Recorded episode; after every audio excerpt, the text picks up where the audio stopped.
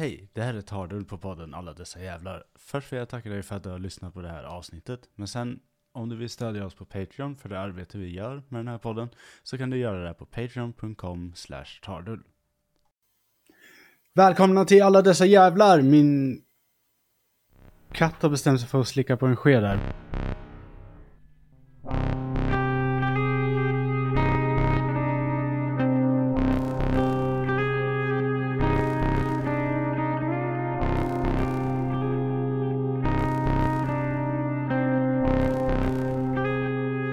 Men eh, välkomna ni två också. Jag har Karin och eh, Nank här. Hallå? Hej! Hej! Hej! Eh, jag tänkte att vi skulle fortsätta lite på det vi pratade om förra gången. Mm. Tänkte jag faktiskt. Hur är det med er? Det är bra. Det är söndag, så lite, lite seg, men jag... Jag passade på att svänga förbi bolaget för att ladda upp inför det här, så det känns bra ändå. Ja, ja okej. Mm. Hur är det med Karin då? Har du ont? Jag har ont för jag har tränat och allt är hemskt och jag ska aldrig mer träna fast det kommer jag göra. Men, ja. Ja, ja det är bra. Eh, så det här blir en fortsättning på eh, fängelseavsnittet. Det kommer vara... Mm. mm. Och som vanligt så kör, kör vi bara igenom och så får, vi hoppas på det bästa helt enkelt. Ja, det låter rimligt. I förra avsnittet pratade vi lite allmänt om hur fängelser uppkom och vad deras syften var och vi pratade i slutändan om hur det moderna fängelset utformades och framförallt hur grundidén designades av bland annat utilitaristen och samhällsreformisten Jeremy Bentham. Ett klargörande här är att det avsnittet givetvis inte täcker allting om fängelser eller hur konceptet utvecklades i olika delar av världen, utan var mer en generell överblick. Egentligen så skulle jag kanske behöva en serie på nästan 50 avsnitt för att förklara fängelser och dess utveckling och dess användning och vilka effekter den har på människan och samhällena runt omkring dessa. Men jag tänkte att vi skulle gå en annan väg idag. Mm. Varför brasklappar du? Oj. Mm. Ja, det kan man göra. ja, men ibland. Det kanske känns nödvändigt, inte fan vet jag. Ja, men, men, ja, men jag brasklappar lite utifall det kommer någon och skriver så här. Du tog inte upp det här fängelset som fanns innan Benthams fängelse. Så då, då, ja, det är liksom bara en generell överblick av fängelserna var förra avsnittet. Mm. Eh, vi kommer inte fortsätta med den generella överblicken, helt enkelt. Det är bra Eh, att du klargör det. Mm. Okej, tack. Som Vi är exempel. med dig på äventyret. Ja. Eh, visste ni att precis efter det amerikanska inbördeskriget eh, så gick man ganska direkt tillbaka till slaveriet, fast lagligt? Mm, På, ja. ett, ja, på ett eller annat ja. sätt så visste nog de allra flesta av er om det här. Men det är mycket eh, mer av ett faktiskt slag i ansiktet än, än vad man kanske tror. Slaveriet var förbjudet och alla män sades vara fria. Och det innebar att man i södra USA ansåg sig ha så kallad arbetsbrist. Mm. Vad det egentligen handlade om... Fy fan. Alltså så jävla... Ja, ja, mm, mm. Jag vet, jag vet. Det, saker går igen kan jag säga. Um, Vad det egentligen handlade om eh, var lite det som du ser nu under pandemin. Arbetarna var inte okej med slavlöner längre, men plantageägarna tyckte att vanliga arbetare var för dyra och, därför, eh, och påkallade därför politikernas uppmärksamhet om att det nu helt plötsligt var omöjligt att få tag på folk att anställa. Åh, mm. Åh nej, folk vill ha en rimlig lön. Mm. Oh Folk vill kunna leva ett värdigt liv. Vad fan är det här? Ja, vad fan Fan, är det här funkar ju så, jävla, så jävla sjukt. Mm. Vad fan Det här är snackar ju inte The Donken Model. Nej, nej precis. Eh, men du ser ju samma sak idag typ i, i USA. Då säger de Mm. att de har labor shortage, men det är inte där de har. Det är ju bara att de vägrar betala löner. Så ingen Ja, vill ja, men jag såg till och med, det var någon, någon som hade suttit och twittrat om det där, att det var någon restaurang som, som insåg att wow, om vi bara så här, höjer lönen bara lite grann, då är folk fan villiga att jobba. Ett jävla mirakel. Mm. Jag tror det var Chipotle. Ja, det, var, Mm. det var en annan av de här tjejerna som körde en bait and switch istället. Så de sa typ att du kommer få eh, typ 17 dollar i lön eller någonting. Och sen när de kom dit så skulle de bara få 11 dollar i lön i timmen. Men de kan inte heller säga nej för då förlorar Mm. de sina benefits. Mm. Ja, USA, underbart land. Jävlar. Den uppenbara lösningen fanns dock rakt framför oss alla hela tiden. Varför hyr vi inte bara ut fångar billigt som arbetskraft om dagarna så att vi också kan tjäna tillbaka en hacka som de kriminella asen vi har tvingat in i trånga celler faktiskt kostat oss. Det det, var, det var givetvis bara en slump att en större del av de intagna var afroamerikaner. Men nu hade man ju på något sätt tagit tillbaka slaveriet ännu en gång, fast lagligt. Och inte tekniskt sett slaveri, i alla fall på pappret. Ja, men alltså det är ju så jävla fult. I, inte heller liksom, det är inte så att man förväntade sig någonting annat, men eh, nej. Ja, men, ja, men det, det, det, det är fult på ett sätt som är... Det är nästan för uppenbart för att man tror att folk ska göra det. Förstår du vad jag menar? Nej, Det är nej, som- nej alltså det Ja, är men liksom, så det som fult. fascinerar mig Alltså det, det blir så fult på ett så himla amerikanskt sätt. Mm, mm, för det är verkligen teknikaliteter vi pratar om. Ja, men liksom, det som fascinerar mig är ju också liksom hur, hur övriga befolkningen liksom på något sätt liksom vaggades in i den här falska tryggheten att deras fängelsesystem på något sätt är rättvist någonstans. Ja, men ännu bättre under den här tiden så var ju fängelsesystemet i sig var ju inte en egentligen grej. Det var ju bara en, det var ju bara en rest av inbördeskriget. Jo, jo, men Mm. längs med tiden. Liksom. Ja, ja, ja, ja, absolut. Du har helt rätt i det där. För det, det, det är så jävla fucked hur man lyckades bara trolla bort allting.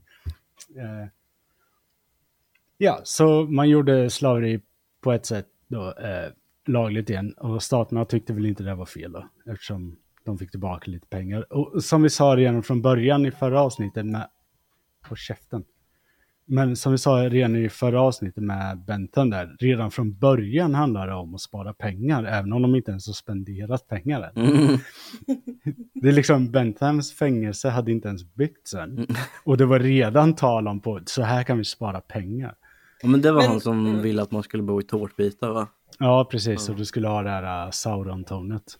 Men alltså, kan det inte vara så att Bentham försökte att gå sina kritiker lite i förväg? Jo, alltså någonting... de bara, vadå, ska vi bygga helt nya hus till er? Åh, gud vad dåligt. Mm. Men, men, men någonting jag kan säga eh, är ju att lite orättvis var jag ändå mot eh, Bentham och eh, utilitaristerna för att det var ju inte så att de ville skapa det här eller skapa ett ojämlikt samhälle. De brukar kallas, eh, jag, tror, jag har för mig att Marx brukade kalla dem för utopiska socialister på något sätt. Ju, Mm, okej. Eh, Så de försökte ju på något sätt skapa en reformation i samhället som skulle förinta fattigdom och sådär. Det här fängelset var väl en sån idé. Det är ju bara det att det fick ju konsekvenser också. Eh, Mm. Det var, ju, utilitarism.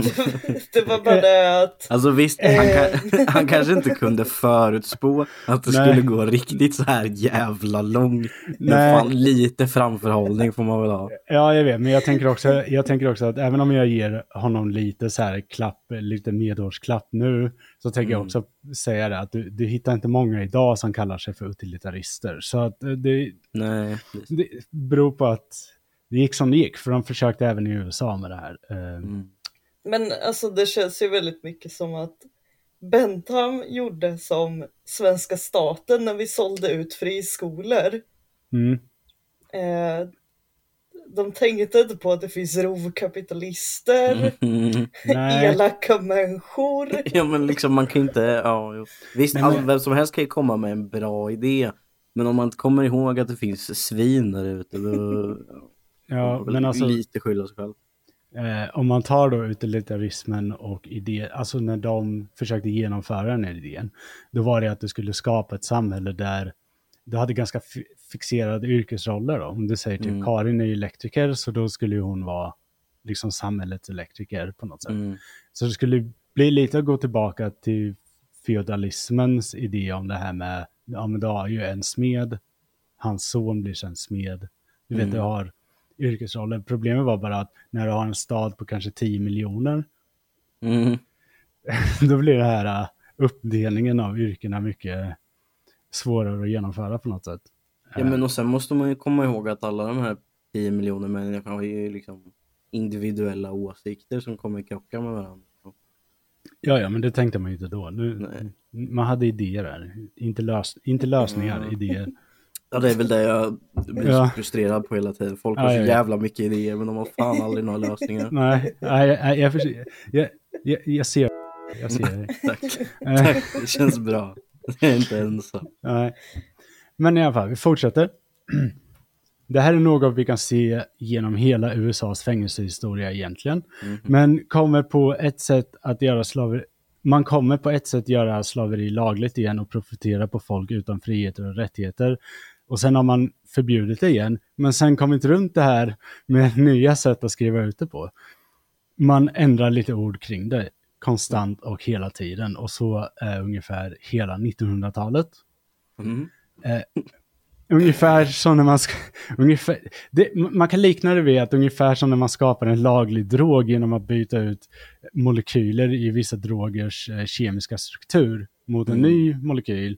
Och då, då uppnår man liksom en ny drog. Så den blir laglig, men slutresultatet är förmodligen oftast detsamma. Ja men det är ju bara som någon så här statlig jävligt avancerad gaslighting. Liksom. Ja, det blir lite det. Nej, nej, alltså det är bara slavery with more words. Ja. Ja, precis. Jag hade slavery with more words. Mm. Det, är, det är ganska bra. Men, det är inte det här vi ska prata om idag ens. Det hör ihop, gör det. Eh, men det är inte det här vi ska prata om ändå. Eh, idag ska vi prata om andra saker man kan utsätta fångar för. Mer än bara slaveri. Nämligen experiment av olika varie, varierande Åh! nyttograder Åh. nyttograd, men nästan alltid omänskligt och etiskt, oetiskt utförda under så horribla former att många av dessa var tvungna att hållas hemliga ett bra tag innan man gav till känna att man faktiskt hade utfört dem. Eh, Varför låter du så glad när du läser det här? Mm. för att jag tyckte det var en så jävla bra twist. Alltså det känns som att det här kommer bli ett avsnitt av X-Files snart. Ja, Vi kan tänka att det är X-Files hela tiden Ja. så är det lättare att hantera. mm. Men jag tänkte så här, eh, jag lägger ut några ground rules här Mm. Eh, för vad som gäller. Eh, för att sortera ut det här på något vis och inte röra ihop det med händelser som kanske förtjänar helt egna avsnitt, beroende på hur stora experimenten var, eh, så kommer vi idag inte fokusera på saker som Nazityskland och Mengele eller andra koncentrationsläger sysslade med. Mm. För de som är intresserade av Japan och Shirisi eh, så är de två första avsnitten av podcasten gissnande. Och de kommer inte heller tas upp här. Men du kommer göra avsnitt om eh, Nazityskland och Mengele och hela det jävla... Ja, eventuellt. Alltså, till, till slut kommer jag ju dit också. Det, det är väl dit där. Det är där, bara all, gräva igenom all annan skit. Det är där alla, alla historiskt baserade podcasts går och dör. Det är när man börjar så här troggla igenom andra världskriget. Ja. Nu är du taskig mot historiepodden. Ja, ja nej, nej, nej, men jag, var, jag har medvetet valt att hålla undan dem just nu, för det är så många som gör avsnitt om dem. Ehm, vi kommer att fokusera på experiment utförda på anstalter som väldigt många av oss här i världen har kommit fram till att de här anstalterna behövs av någon anledning. Det vill säga helt vanliga fängelser som vi idag kallar dem. Så fint, eh, eller som vi idag kallar dem så fint, kriminalvårdsanstalter. Mm. det... Bara det ordet. Ja, jag vet. Jag vet. Vård. Krim. Vård. Ja, Mm. men... Ja. Det här är vad fan. vård. Nej, Mm. det fan. Det här är vård men vi kommer att slita pungen av er allihop. Kul att du nämner pungar. Ehm, Åh nej! eh, jag kommer säkert... eh, ja, det här skri- jag ska bara säga så här att jag skrev det här innan jag var klar med avsnittet. Så här. Eh, det blir inga mentalsjukhus. Mm. Eh, jag, för jag skrev så här, jag kommer säkert få med ett och annat eller mentalsjukhus också i det Mm. hela. De kommer nämnas i förbifarten. Mm. Eh, kommer jag, Eh, Mm. m- eh, Ja, men- vissa och- grejer som har hänt på mentalsjukhus förtjänar faktiskt ett eget avsnitt. Ja, ja, men de kommer nämna... De kommer, Vipeholm.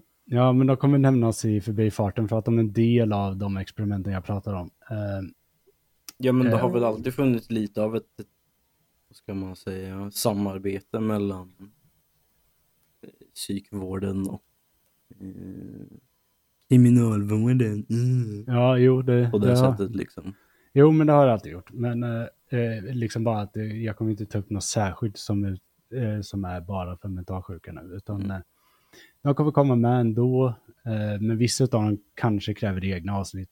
Ehm, eh, och eh, jag kommer inte ta de här i kronologisk ordning. Utan det är ute efter att jag lyckas verifiera källorna helt enkelt. Och så har jag skrivit ner om det. Nej. Jag kommer bland annat jag kommer bland annat använda en write-up från NBC News angående en write-up, det är alltså Ah. en sammanställning Mm. eh, av händelser från NBC News bland annat. Eh, Och Mhm. rest, resterande av källorna kommer ni också hitta i beskrivningen för detta avsnitt sen. Eh, det är dock från den här write-upen av NBC News som jag har hittat eh, många av fallen och sen har jag gått vidare eh, och letat upp andra källor helt enkelt. Jajamän. Mm. Inga frågor på det? Nej. Nej. Nej, du känns som en Kjell Garis, jag litar på dig här. Åh, tack. Så fint sagt. Oh wow. Ja. Eh, jag tänkte dock att vi kunde börja med ett experiment där fångarna faktiskt var medvetna om vad som skulle ske och som resulterade i deras faktiska frihet genom benådning om man deltog. Wow. Det här känns... Oj, Mm. det här känns alltså- jättedåligt men Ja. också lite finare än alla andra. Ja, men Mm. alltså, jag vet inte, eh, någonting som avslutas med benådning, det kan aldrig ha börjat bra känner jag. Nej, Nej, nej det det, här, det, det, det, det, är- det är inget perfekt koncept. Mm. Men eh, anledningen till att jag, anled, anledningen till att jag, anledningen till att jag tar upp det, det är för att säga att det finns ett sätt att göra det på. Och sen så finns det ett annat sätt att göra det på. Och det här sättet är bra mycket bättre än det andra sättet. Ehm, och eh, oavsett vad man kan läsa in för någonting i själva eh, just benådningsdelen och sådana här grejer och sen frivilligt delta som vi eh, som historiker ofta ifrågasätter.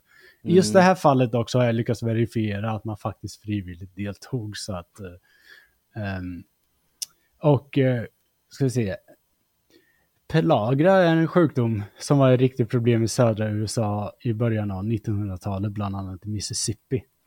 Vet ni vad pelagra är? Nej. Nej. Eh, pelagra är för den som inte vet en så kallad bristsjukdom som uppstår när man har stora brister i vitamin B3. Aha. Eh, och det här experimentet utfördes år 1915 av Dr. Joseph Goldberger. Eh, och experimentet skulle ge liksom vetenskapen just den typen av information. Eh, Go- Goldberger hade en teori om att det var just någon form av bristsjukdom eftersom den grupp som drabbades minst var vuxna vita män. Och man trodde därför ofta att det här, alltså allmänheten trodde ofta att det här var en sjukdom som var raskodad på något sätt. Vilket han ville Det påvisa. är ju en grej. Ja, ja, vilket han då ville påvisa att det faktiskt inte var. Eh, han var ganska säker på att det var en brist på protein eller liknande som ledde till eh, de så kallade fyra d nämligen diarré, demens, dermatit och död. Ja. Det är ingen mysig sjukdom där. Eh, Nej. den är lite som... Eh, En måndag. Mm. ja, ja den, är lite så, den är lite så skörbjugg fast värre. Fast hela kroppen typ. Ehm, Oh, fuck det här. ja. Eh, Men ändå, om det är början av 1900-talet kan väl förstå att man tänker att det är en rassjukdom. Mm, jo, jo, jo, jo, det var, ma- men han försökte liksom, men en anledning till att det är så här är, på grund av klasskillnader. Ni Anledningen till att det är så här är på grund av, det här är slavar, ni alla är sämst, lägg av. Mm, men det är ju liksom, det är inte konstigt om man tar ifrån människor alla deras resurser och alla deras möjligheter till liksom att ens kunna ta en fucking dusch. Då är det klart att de kommer bli sjuka så småningom. Ja, eh, i alla fall så var det så här. I stort bevisade experimentet det Goldberger hade trott, fast det handlade mer om en vitamin i slutändan och absolut inte ras, och fångarna benådades och blev faktiskt fria. Jag kan ju också nämna här att de som deltog i experimentet var just vuxna, friska män, så att man eh, vita också, eh, bara för att man skulle just, han skulle just bevisa också att just rasdelen inte var en del av det här, utan Eh, utan de började ju drabbas av det här också. Och dermatit, Mm. om man säger då, är ju alltså konstanta inflammationer i huden. Mm. Um, vilket är otroligt kul. smärtsamt.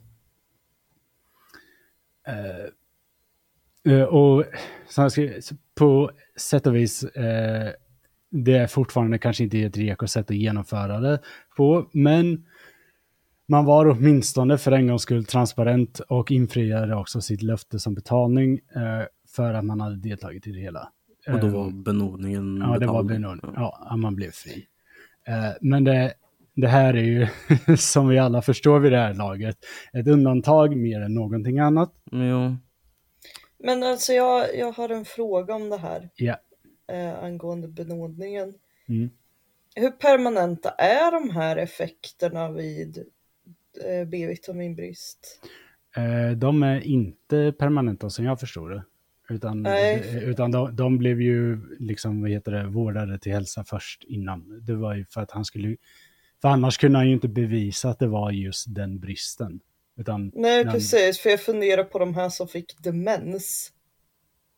ja, det, ja, Ja, Alltså, det kan ju inte ha varit ska- skitkul och bara ah, jag är fri men eh, jag är också väldigt dement. Ja, alltså jag vet, jag vet inte riktigt om beskrivningen är eh, korrekt eller om den är eh, eh, en, ett, eh, vad heter det, historiskt eh, fragment, om man säger, Mm. eller om det hade förklarats annorlunda idag. Eh, kanske inte just demens, men det kanske påminner om demens när du börjar lida av det.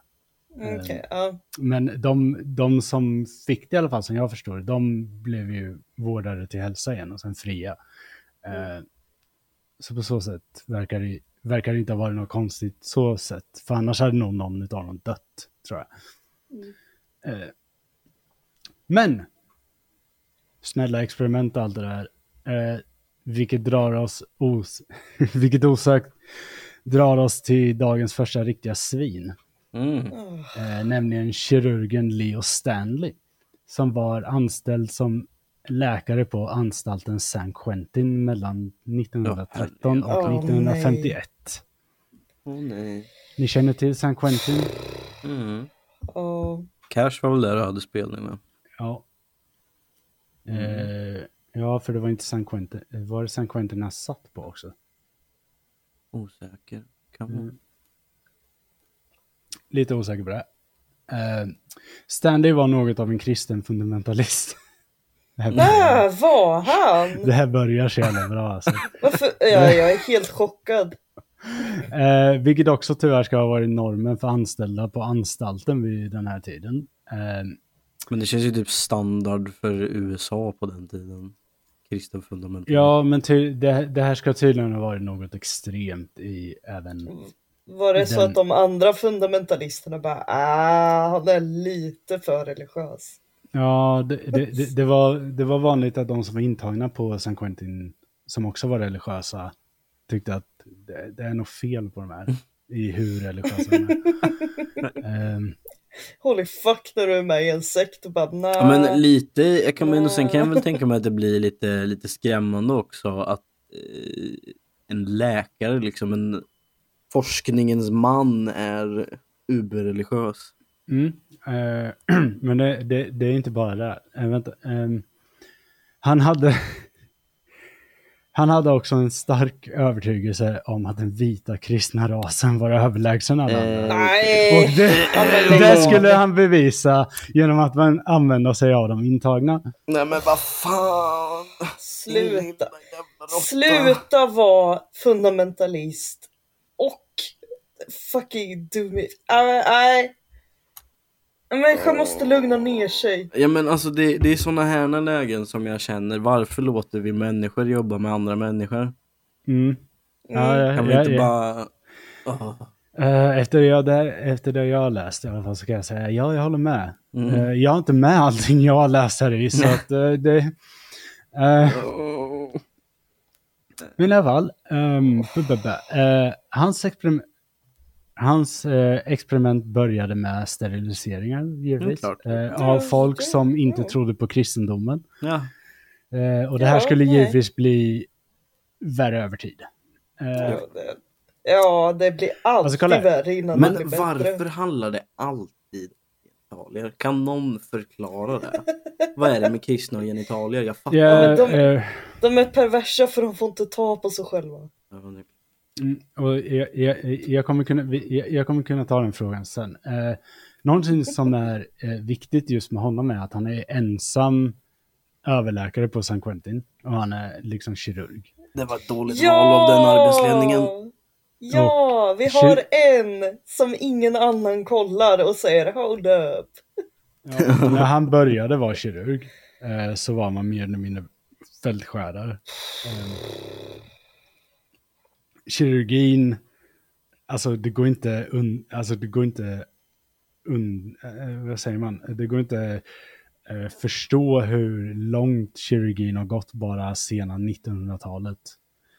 Eh, Ja, det var väl, alltså om man nu ser över hur, hur länge medicin har liksom existerat så var det ju tekniskt sett inte så länge sedan som liksom, tanken med att liksom, när man skar upp någon, då var liksom inte, de hade ingen planer på att sy ihop dem igen. Liksom. nej, eh, alltså i början av Ja, jag går 1900-talet, in här och jag har ingen alltså- plan. Mm. under, under 1800-talet så började man ju eh, eh, kunna utföra operationer på folk på ett Mm. sätt som man inte hade kunnat förr. Mm. Eh, Ja, fältskärare. men då började man väl söva folk va? Ja, men man hade ju Ja. försökt opera, operation, alltså kirurgi. du vart sövd om du var vit, ska jag Mm. tillägga. ja, Ja, ja, ja. Men alltså, det... kirur, kirur, alltså kirurgi har vi hållit på med i flera tusen år på varierande sätt.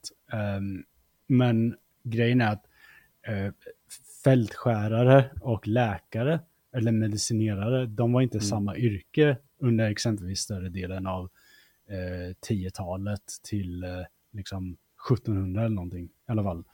Eh, och fältskärare överlag, eller kirurger som de blev kända som sen, var absolut inte högt ansedda.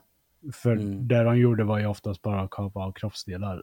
Mm. Eh, så Ja, det- men det var väl typ bara arbetarklass och sen extra knäckte de som barberare. Ja, och sen så kunde du... Så kirurgin kom ju när eh, väl utbildning började bli en grej på 1700 och 1800-talet. Då började, då började kirurgi bli lite högre status. Alltså Eh, jag, jag älskar en grej med det här. Mhm. Det är att människan som rotar i din hjärna när du har en tumör där uppe. Han håller på med ett yrke som har sprungit från frisörer. ja, de, var ofta, de var ofta tandläkare också. Eh, Ja men det var ju bara dra ut grejer. ja, jo, jo. Ja, men ja, det har man ju, eller det är väl, jag vet inte om det är morsan bara som har berättat skräckhistorier om hur man, man gick till någon granne som hade en varm tång som hade legat över elden och så körde de in den i käften och drog ut han jäveln. Nej, den, den var rätt vanlig. Eh, Alltså, mm. Eh, men men du, du, du, vård. kunde ju gå, du kunde gå till skomakaren, Mm. fixa dina skor, dra ut en tand, gå hem. Alltså det var ja men alltså visst det är Alltså väl... det är verkligen Leffes ved och porr. Ja. ja. Ja. Alltså visst, det är väl, det är väl skönt att folk kan extra knäcka lite men om man ser liksom till dagens så här, eh, men liksom regler och ramar kring, fan inte bara liksom vården överlag men liksom så här, fan hälso, vad heter det? Eh, Gud vad heter det? Så här hälsokost och sånt.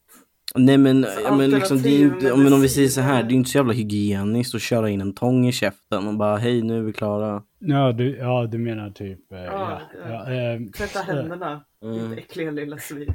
ja. ja, typ eh, alltså... medicinsk vetenskap överlag och, och bakteriologi och sådana grejer. Mm. Och när man kommer på, den första som kom på att man skulle tvätta händerna för övrigt blev bu, utbuad. Eh, Ja men liksom jag är förvånad att liksom hela människosläktet inte har egentligen dött ut vid det här laget så länge som liksom ja, det är hela, he, ja, men hela jävla Europa gick hur jävla länge då utan att duscha, liksom kasta ut piss och skit genom fönstret. ja, fan. men, ja, Ja, men men, det var jättemånga som dog i eh, så här, Jo men jag är förvånad att alla inte dog. Hur i helvete kunde en enda jävel överleva det där helvetet? Han Men- kanske råkade tvätta händerna. Ja, ja, och, och, det, och vi, liksom det amplifieras ju ännu mer genom att under digerdöden så eh, som sagt så beskyller man ju judarna för att det var de som spred det. Men anledningen till att de dog i mindre mängder var ju för att de tvättade sig. Så att, mm, och, och, de, och, de fattar det här med hygien. Alltså. Ja, ja, men det, det, ja, ja, precis. Men det är enligt deras religiösa sed så ska man ju tvätta sig typ händer och ansikte och sån grejer. Men Ja, för Det- annars det- det- dör du. nej, men det var, det var liksom Jo, ingen med... Ja, jo, jo, jo, men det var liksom ingen medveten grej. Det var bara det att, Hur vet du det? för då hade de skrivit ner det. Jag är helt Ja, ja. övertygad om det. Då hade de sagt åt de kristna bara börja tvätta er. Nej men jag tror att eh, anledningen Alltså personligen att... om jag hade blivit liksom, om någon behandlar mig så jävla pissigt som kristna har behandlat judar, då hade inte jag heller brytt mig om de dog. Nej, okej, men jag, det, hade, det hade åtminstone funnits nedskrivet. Men grejen var Men- att, va? Men jag tror, jag tror att judarna tvättade sig av ren artighet mot varandra.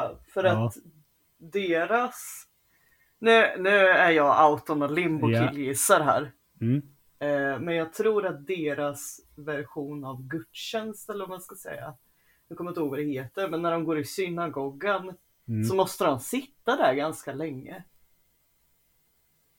Det är Ja, de inte måste- nice mot din granne att sitta där och lukta rutten fisk i två timmar. Nej. Nej. Och eh, jag tänker att den katolska kyrkan var rätt glad om eh, folk som var bönder luktade ru- rutten fisk så att de kunde skina i sina parfymer och fina kläder. Eh, Mm. Nej men jag tänker att de satt ju ändå längst bak i kyrkan så det var ingen som hade lyssnat på dem. nej. Nej, men i alla fall, så när man kom på det, och, och i början av 1900-talet, där, så även om man visste det här med att tvätta händerna och eh, eh, kunde utföra vissa operationer, så var det fortfarande lite High Chaparral om där. Eh, framförallt var det High Chaparral om vilka som fick licenser. Och jag kan, jag kan inte riktigt verifiera att den här personen faktiskt var utbildad. Nej. Fördelen med 1900-talet. Ja, e- e- ett stort, ett stort problem med USA och eh, det här indelandet i delstater, att det finns, Mm. det är väldigt svårt att hitta historiska dokument ibland. Eh, Ja, det var väl kanske lite den som var poängen också. Ja, så du har ju, det- du har ju än idag det här fenomenet om att folk eh, bara slutar att vara polis när de är misstänkta för någonting och sen bara flyttar en delstat över och blir polis där istället, så Mm. kan inte de kolla det. Åh, Jag hatar USA. I alla fall, eh, du, du, du, ska vi se. Hans idéer om unik var inte särskilt unika vid den här tiden, ska vi komma ihåg. Eh, Vänta, Ja. se om det där en gång till. hans idéer om unik, alltså eugenics, Mm. Eh, var inte unika vid den här tiden. Det här är ju ändå mellan 1913 och fem, 1951. Mm. Eh, eh, och... Heter det inte Okej, så vi är ändå- rasbiologi på svenska? Nej, det, det har, heter rasbiologi, men jag tycker inte rasbiologi och unik riktigt är nödvändigtvis samma sak. Det är väl mer en Ja. del av hela... Ja, alltså Det är väl bara en gren i det här paraplybegreppet liksom. Eller? Ja, precis. Exakt så. Ja, exakt så. Det... Eh, ska vi se. Eh, var inte unika vid den här tiden, trots att vi visste vad tyskarna och japanerna hade sysslat med även efter. För han höll ju på även efter det. Jo men för jag tänkte säga, du sa ju 1951, så nu är vi ju lite så här precis i efterdyningarna av andra världskriget med va? Ja, vi ja, jag tror, eh, ja, vi, vi, ja, precis. När det här börjar så är vi lite i eh, efter, eh, mitten av andra världskriget och i efterdyningarna. Och då vet vi om vad de andra håller på med till Mm. stor del. Eh, så det vet han också om. Ja, Det- men då, då, då, är- ja, då vet vi i Mm. alla fall vad som motiverade honom. Mm.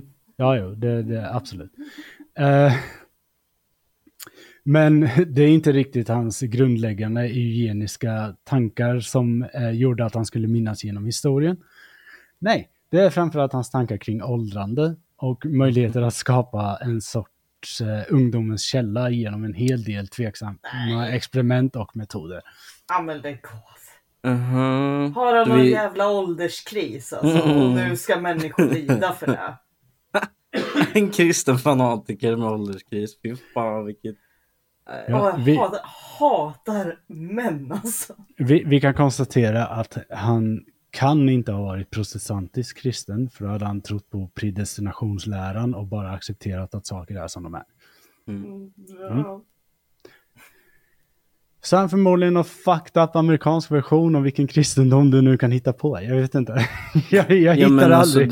det, om han liksom också är besatt av liksom evigt liv, för jag antar att det var det han var ute Ja. efter, att han skulle Mm. slippa behöva bli gammal och grådö liksom. Mm. Så det känns ju som att det ligger något mer... ehm, Ja men det, jag vet inte, jag får ju lite känslan av att det kanske inte bara är liksom kristendomen i botten utan Ja. det handlar, det, kan, det kanske liksom ligger någon, någon eh, sträng av så här narcissism och... ja, gud ja. Ja men alltså det jag reagerar på det är ju liksom så här. Eh, fåfänga är ju en Mm. dödssynd.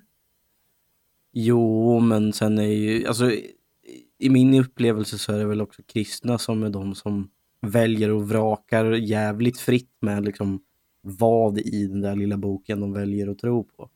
Ja jo. jo För att liksom, vad ska man säga, och liksom skriva om saker för att liksom, ja men passa deras agenda liksom. Är väl inte det är- det egentligen är ett så, nytt koncept, men Det är därför det är så himla bra att vara frikyrklig för då kan man välja lite vad man vill tro på. Ja, men det, det är lite det här, äh, det är lite därför lutheranerna kör med predestinationsläran. Det är ju för att, ja, ja, du kan skriva om hur mycket du vill för att Mm. det inte, du har ingen kontroll på din dom i alla fall. mm, Så att, ja men det så- känns ju lite rimligare i alla fall. ja, så du har ingen koll på det. Du kan ju leva, om du lever ditt liv som du gör, som du tror är god kristen, det betyder inte att Herren tycker att du har varit en god kristen, för att det är redan bestämt. Alltså din, Jaha, du menar så, ja, det låter Nej, nej, nej, men inte bara så, utan det är liksom, du kan inte, du kan inte för andra bevisa att du är en god kristen. Du, det är ju för Ja, Gud du ska mm. bevisa att du är en god kristen. Eh, så just det här flåntandet med typ juveler och grejer som katoliker sysslar med, det sysslar man inte med. Eh, men amerikanska protestanter däremot är en helt annan femma. Mm. Eh, I alla fall, dessa experiment skulle ta form i mindre vetenskapliga metoder och mer praktiska och direkta metoder. Så runt 1920-talet och framåt, till dess att han helt pensionerades, så sålde han helt enkelt avlidna, avlidna fångars testiklar till äldre rika vita män. För att göra vad med? Jag skulle precis säga, nu undrar du kanske varför? Ja. Mm. Ja, ja jag kommer, det kommer det. Det kommer det. Alltså, är det här, är det, om det här är någon här sjuk rikemans delikatessgrej då avgår jag.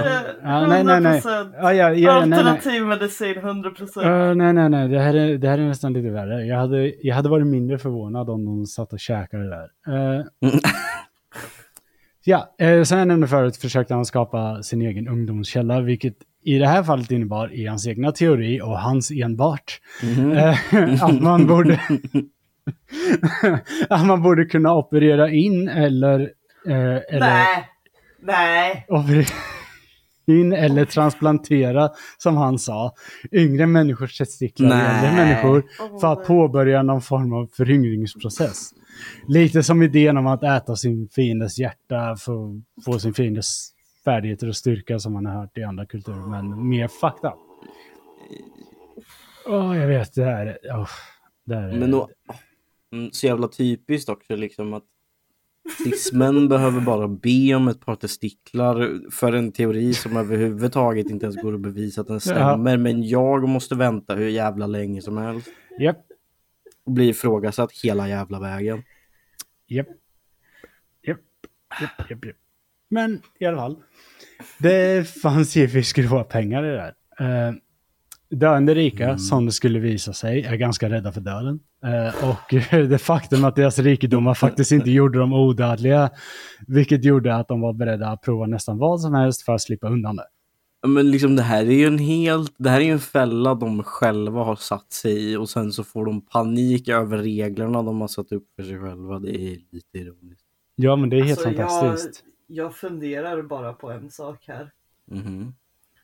Ehm, jag undrar hur många det var som dog av att det transplanterades in Mm. främmande testiklar. Eh, Och hur länge de hade kunnat leva om man bara inte. jag, jag, jag tänkte precis komma till varför jag inte har några siffror på det. Uh, för att slippa undan det. Och ja, det här var givetvis ingenting staten i sig godkände. Vilket var varför rika personer fick skicka personliga brev till nyligen avlidnas föräldrar med lovord och pengar. Om att man fick ta den delen av kroppen som Ja man ville ha. fan. Det finns... Vadå, de- vänta så här. Hej, eh, jag hörde att din son hade dött. Skulle jag kunna få ta Ja, Nej. hans döda testiklar Mm. Japp. ur hans kropp och japp, sätta in i min egen kropp? exakt så, Tack fun- på förhand. exakt så fungerar det. Eh, den, här, den, här, den, här, den här läkaren Stanley, eh, han, eh, han hade ju intressenter givetvis. Och sen så när en person dog så kontaktade han de här intressenterna.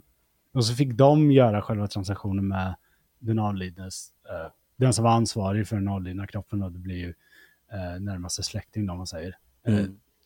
Eh, och, och, och sen så utförde Stanley själva operationen om man säger.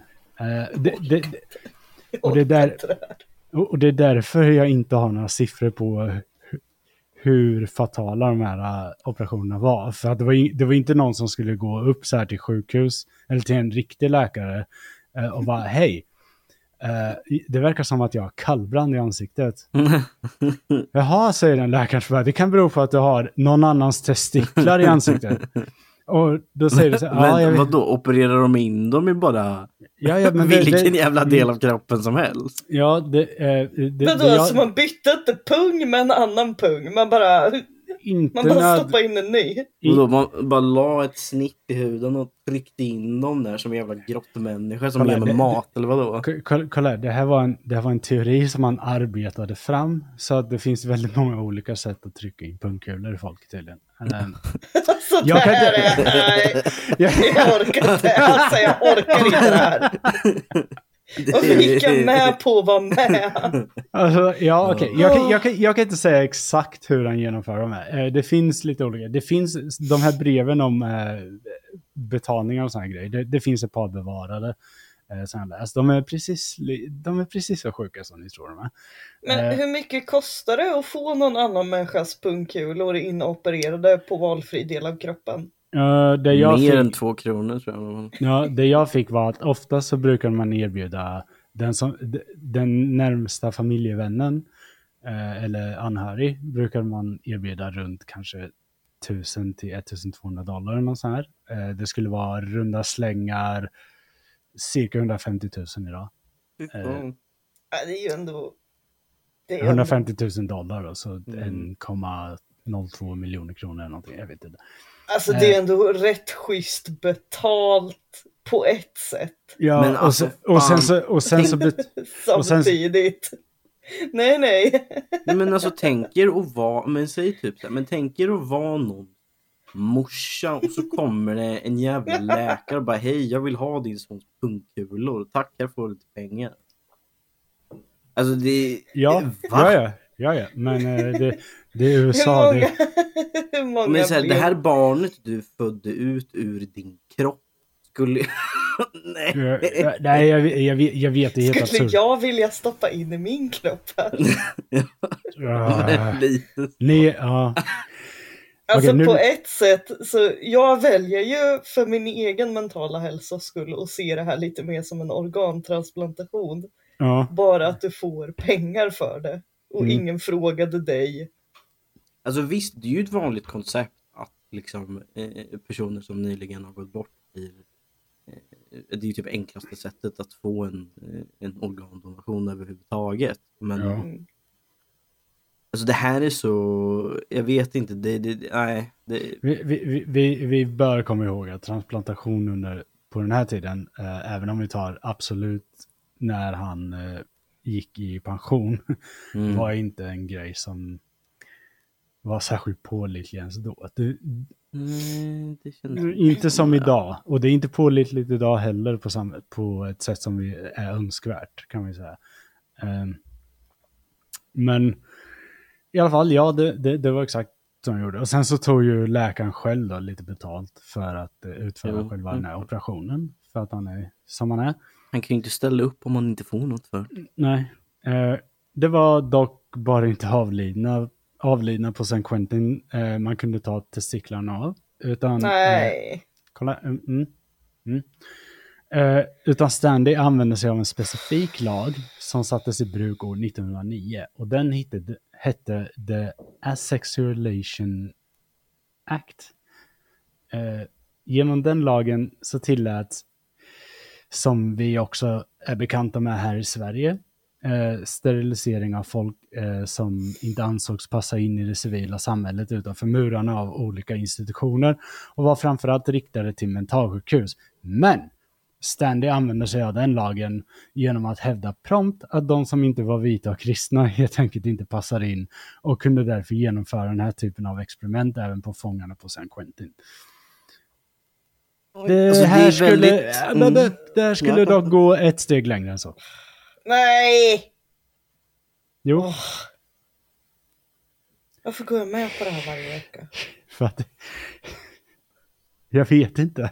Ja. Nej. Men det är så här, nu, för nu vet jag inte riktigt vilken, vilken del av hans sjuka hjärna är det som göder den andra delen i det här läget. För nu, nu, nu har han liksom kommit till den punkten att han, han använder ju liksom sin, eh, sin ja, men, eh, nazistiska och rasistiska del för att liksom kunna, vad ska man säga, fanda den här eh, alltså galna jävla övertygelsen om att någon annans pungkulor tydligen kan göra det yngre.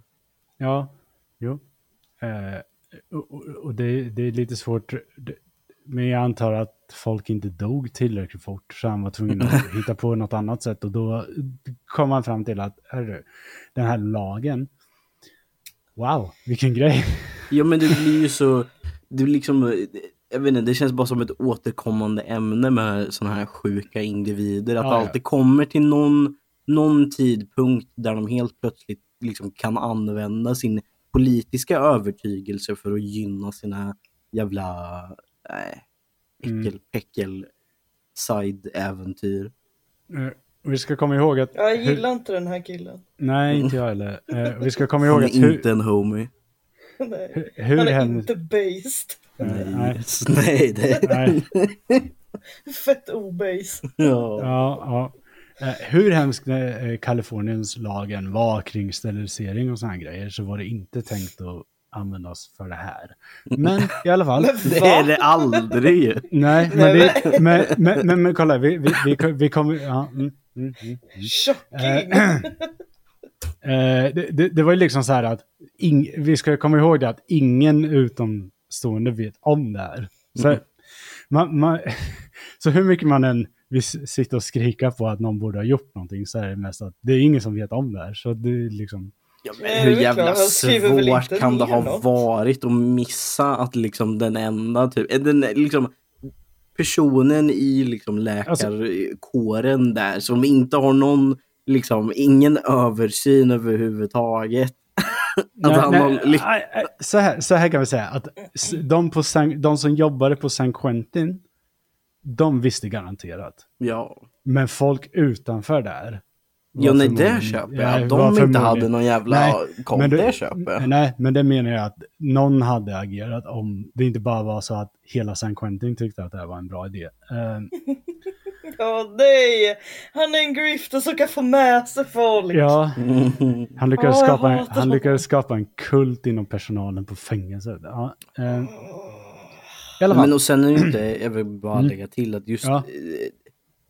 Eh, folk som arbetar, alltså det är ju, ja, jag vet inte, jag tror nästan att jag är lite mer, alltså hur, vad ska man säga, hur illa man än må ha det psykiskt för att man hamnar i fängelset så blir jag alltid lite mer rädd för människor som säger att de frivilligt arbetar på sådana ställen. Ja, okej. ja. Jo, jag kan förstå det. Jag har full förståelse för det. Eh, men... eh, Plitar, gonna plita, jag bara Mm, säger det. Ja, men vi fortsätter på det här steget längre då. Ja, men, ja. Mm.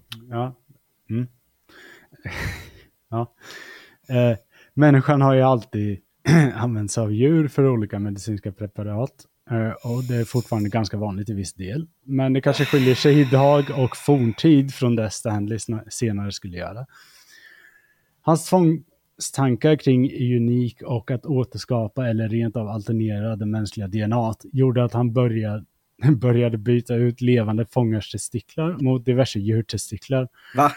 Det vill säga transplantera djurtestiklar in i levande människor. I hopp om Nej. att kroppen skulle acceptera den nya pungkulan och, absor- och absorbera djurets testosteron. Vilket skulle ge en boost i äldre människors hormonproduktion. Ja men det här var ju. Ja, men vad i helvete? Jag ser Det här- dig Oscar. Det här är mer fuckat än någon annan rasbiolog jag har hört. Alltså, Det Ja, men alltså och fortfarande så Så- återigen, liksom det här är någonting som historien bara liksom har sagt. Ja, men vad fan det var så på den tiden. Liksom, va, Mm. Hur? Varför? Vad fan är det för fel på folk? men varför har vi en läkare på San Quentin som försöker skapa minotaurer? Mm. Men alltså Ah. det jag, jag tycker det här är, det är så fascinerande. Eh, Ja, det är också ett sätt För att se det, på det. det, Ja, men alltså, det är liksom här- sällan jag blir stum på sådana här saker, men alltså jag vet inte vad... Nej, jag, jag, jag förstår. Det, det, jag kände likadant när jag eh, läste det här. Eh, Men alltså han är ju bara, han är ju bara en grifter som har lyckats snacka till sig ett jobb mm. och en massa gratis människor att experimentera på. Ja, jag vet. Men grejen är så här, jag har, jag har en liten idé jag skulle vilja lyfta innan jag fortsätter. Eh, och det är att jag tror att han gör sig själv galen i sitt... Eh, för han är ju helt isolerad i, i sina experiment. Det är ingen... Men, Han kan- men han alltså kan inte be- nej, men- också... nej, men- Men kolla, han kan inte be någon utomstående om hjälp. Så när han får den här, när han har den här första grundläggande idén han får utifrån om det här med att kunna eh, föryngra folk eller förändra liksom eh, så kallade rashygienen hos folk eller whatever. Jag tror att han till slut blir insane. Och sen börjar med de här djurexperimenten.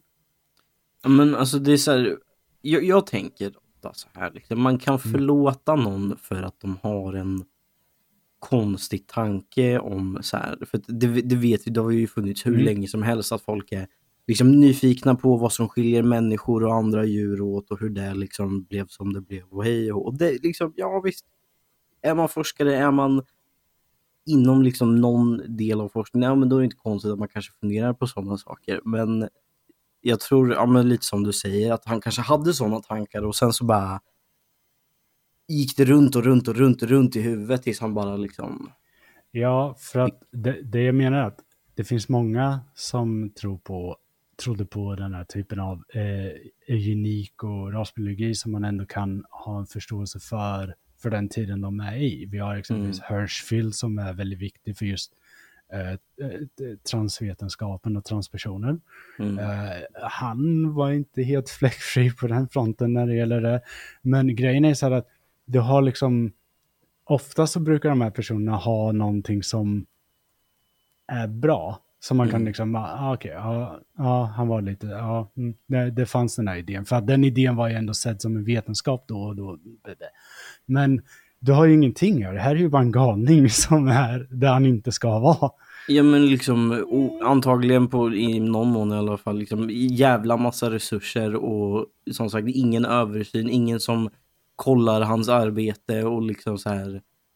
Och jag antar att liksom på den tiden så fanns det ingen eh, nu, ja, men nu finns det ju liksom eh, vad fan heter det på svenska? Ja, men lite så här myndighetsutövning. Ja, alltså det finns ju Mm. liksom att i- idag så kan du ju liksom anmäla en läkare för Ja. eh, svenska, vad är det? Eh, Ja. Eh, s- Ja. ne- neglect eller? Ja, ja, men liksom Ja. vanvård eller liksom att de Ja. malpractice liksom. Du kan anmäla någon som har betett sig, som inte har gjort sitt jobb eller eh, Ja, använt vi- sitt vi- jobb för att liksom missbruka sin makt. Eh, eh, Vanvård är lex Sara tror jag. Mm. Mm. Eh, Men- och ja, men, ja, precis. Vi har, vi har, det, ja, det fanns nog inte då. Framförallt inte i USA. Eh. Men och sen är det ju så att jag, jag har lite, det måste ju funnits någon jävel i alla fall på San Quentin som kände att nej, att Mm. operera in liksom Ah. djurtestiklar i, i vuxna levande män, det känns inte sådär jätterimligt. Men samtidigt så kan jag ju tänka mig att vem fan vill gå nära jäveln som opererar in djurtestiklar i levande vuxna män? Nej, och så har vi, vi, vi har ju det, jag kan ju lika gärna ta upp det nu, nu när vi pratar om det här, för att vi har ju det tendensiösa problemet och vi har tidsproblemet.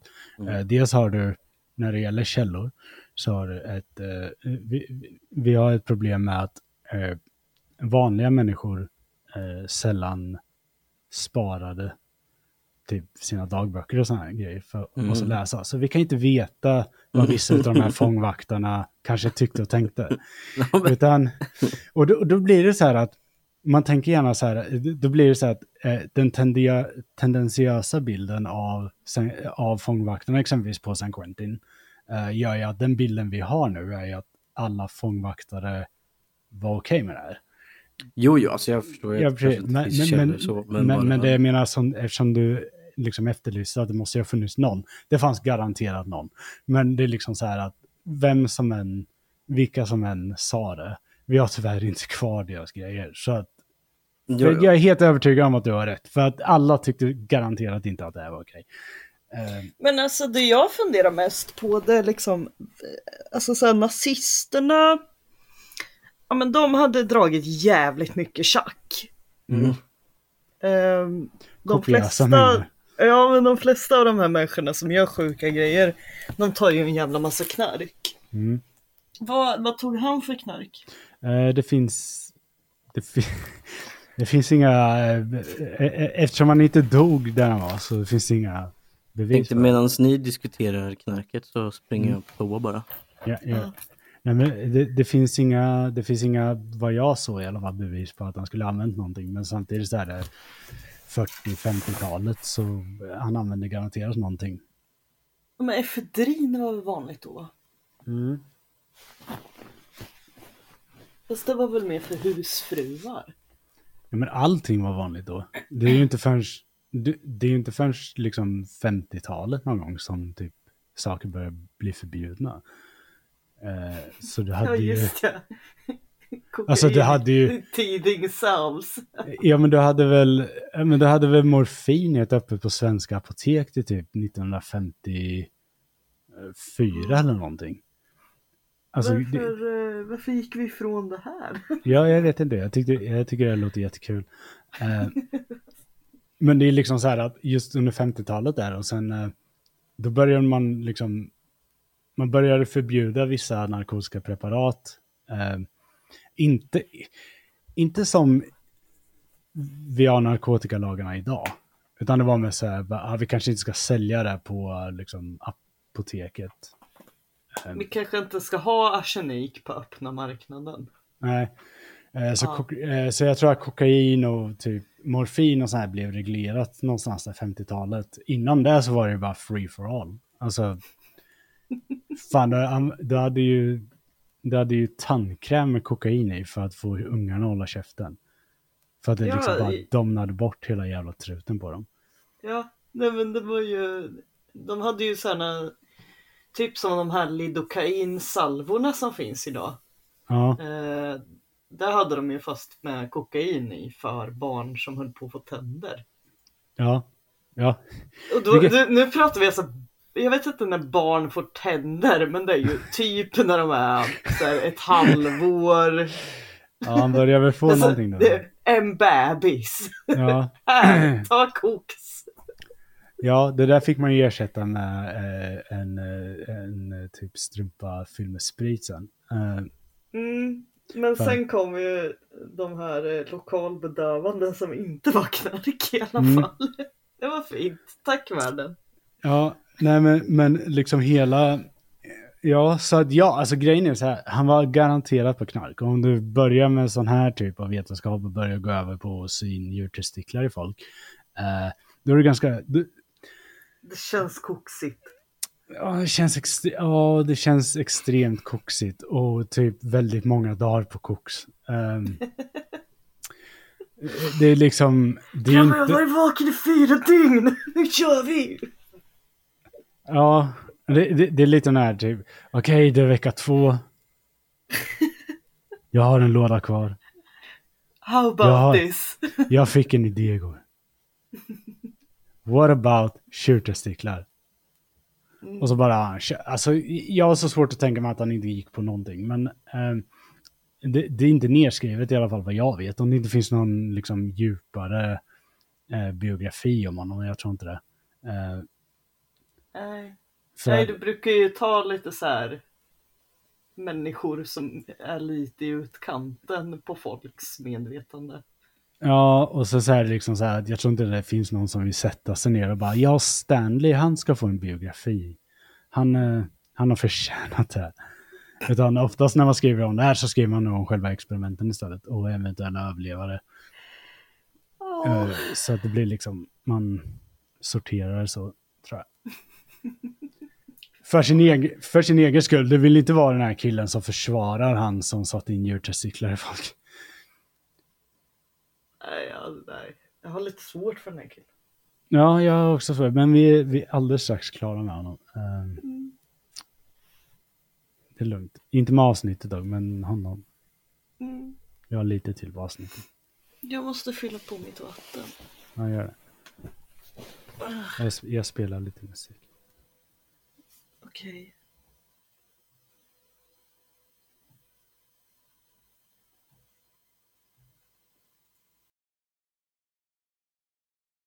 Ni kan bara säga till när ni är tillbaka. Lyssnar vi på dramatiskt piano igen? Nej, jag drog bara på... eh, jag laddade upp någonting, jag drog på det. Så, Mm. mm. Vänta bara på Karin. Mm. Det är bara för att jag ska få i timelinen när den här pa- pausen är. Så ser Ja. jag det när jag editerar sen. Ja. Och Hej! Hej! vilket, vad heter det? Leif GW Persson grunt du fick till. Mm.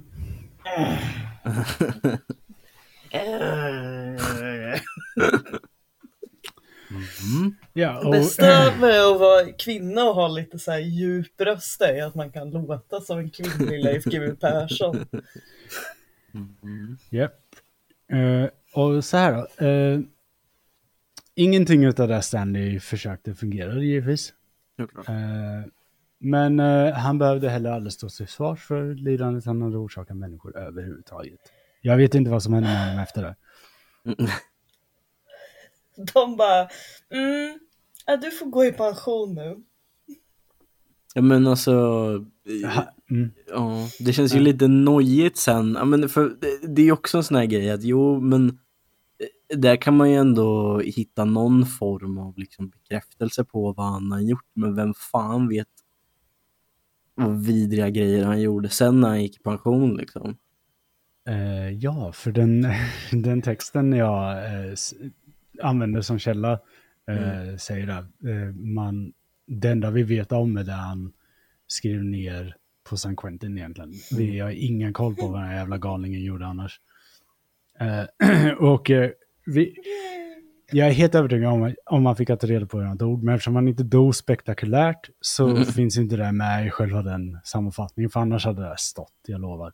Alltså det skulle inte bli förvånad, alltså jag skulle inte bli förvånad, alltså ja, han kanske inte, fan, fan vet jag, han kanske dog i en hjärtattack i sömnen, men jag hade ju heller inte blivit förvånad om det egentligen slutar med typ att han drog hem någon som han inte borde dragit hem för att göra en experiment och så blev han ihjälslagen och nedgrävd i någon skog någonstans.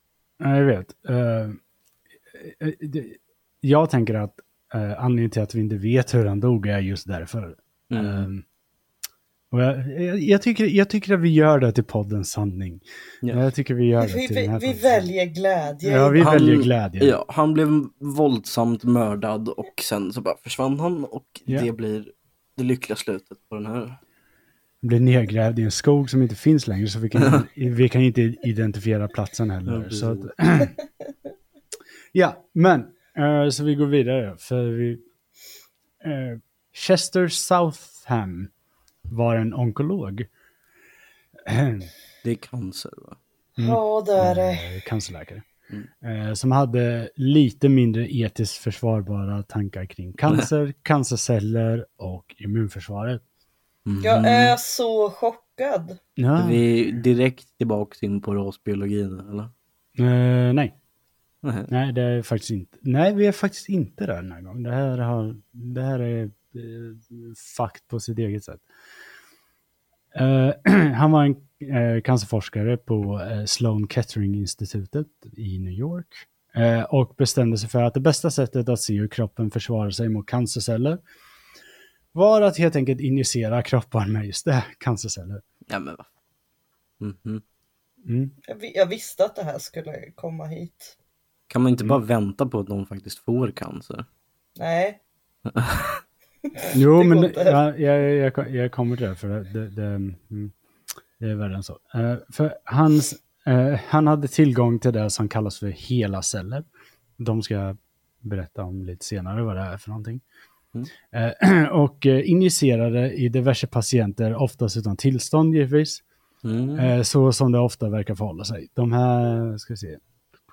De här patienterna var oftast cancerpatienter som var, eh, vad heter det, terminally ill. Alltså, Mm.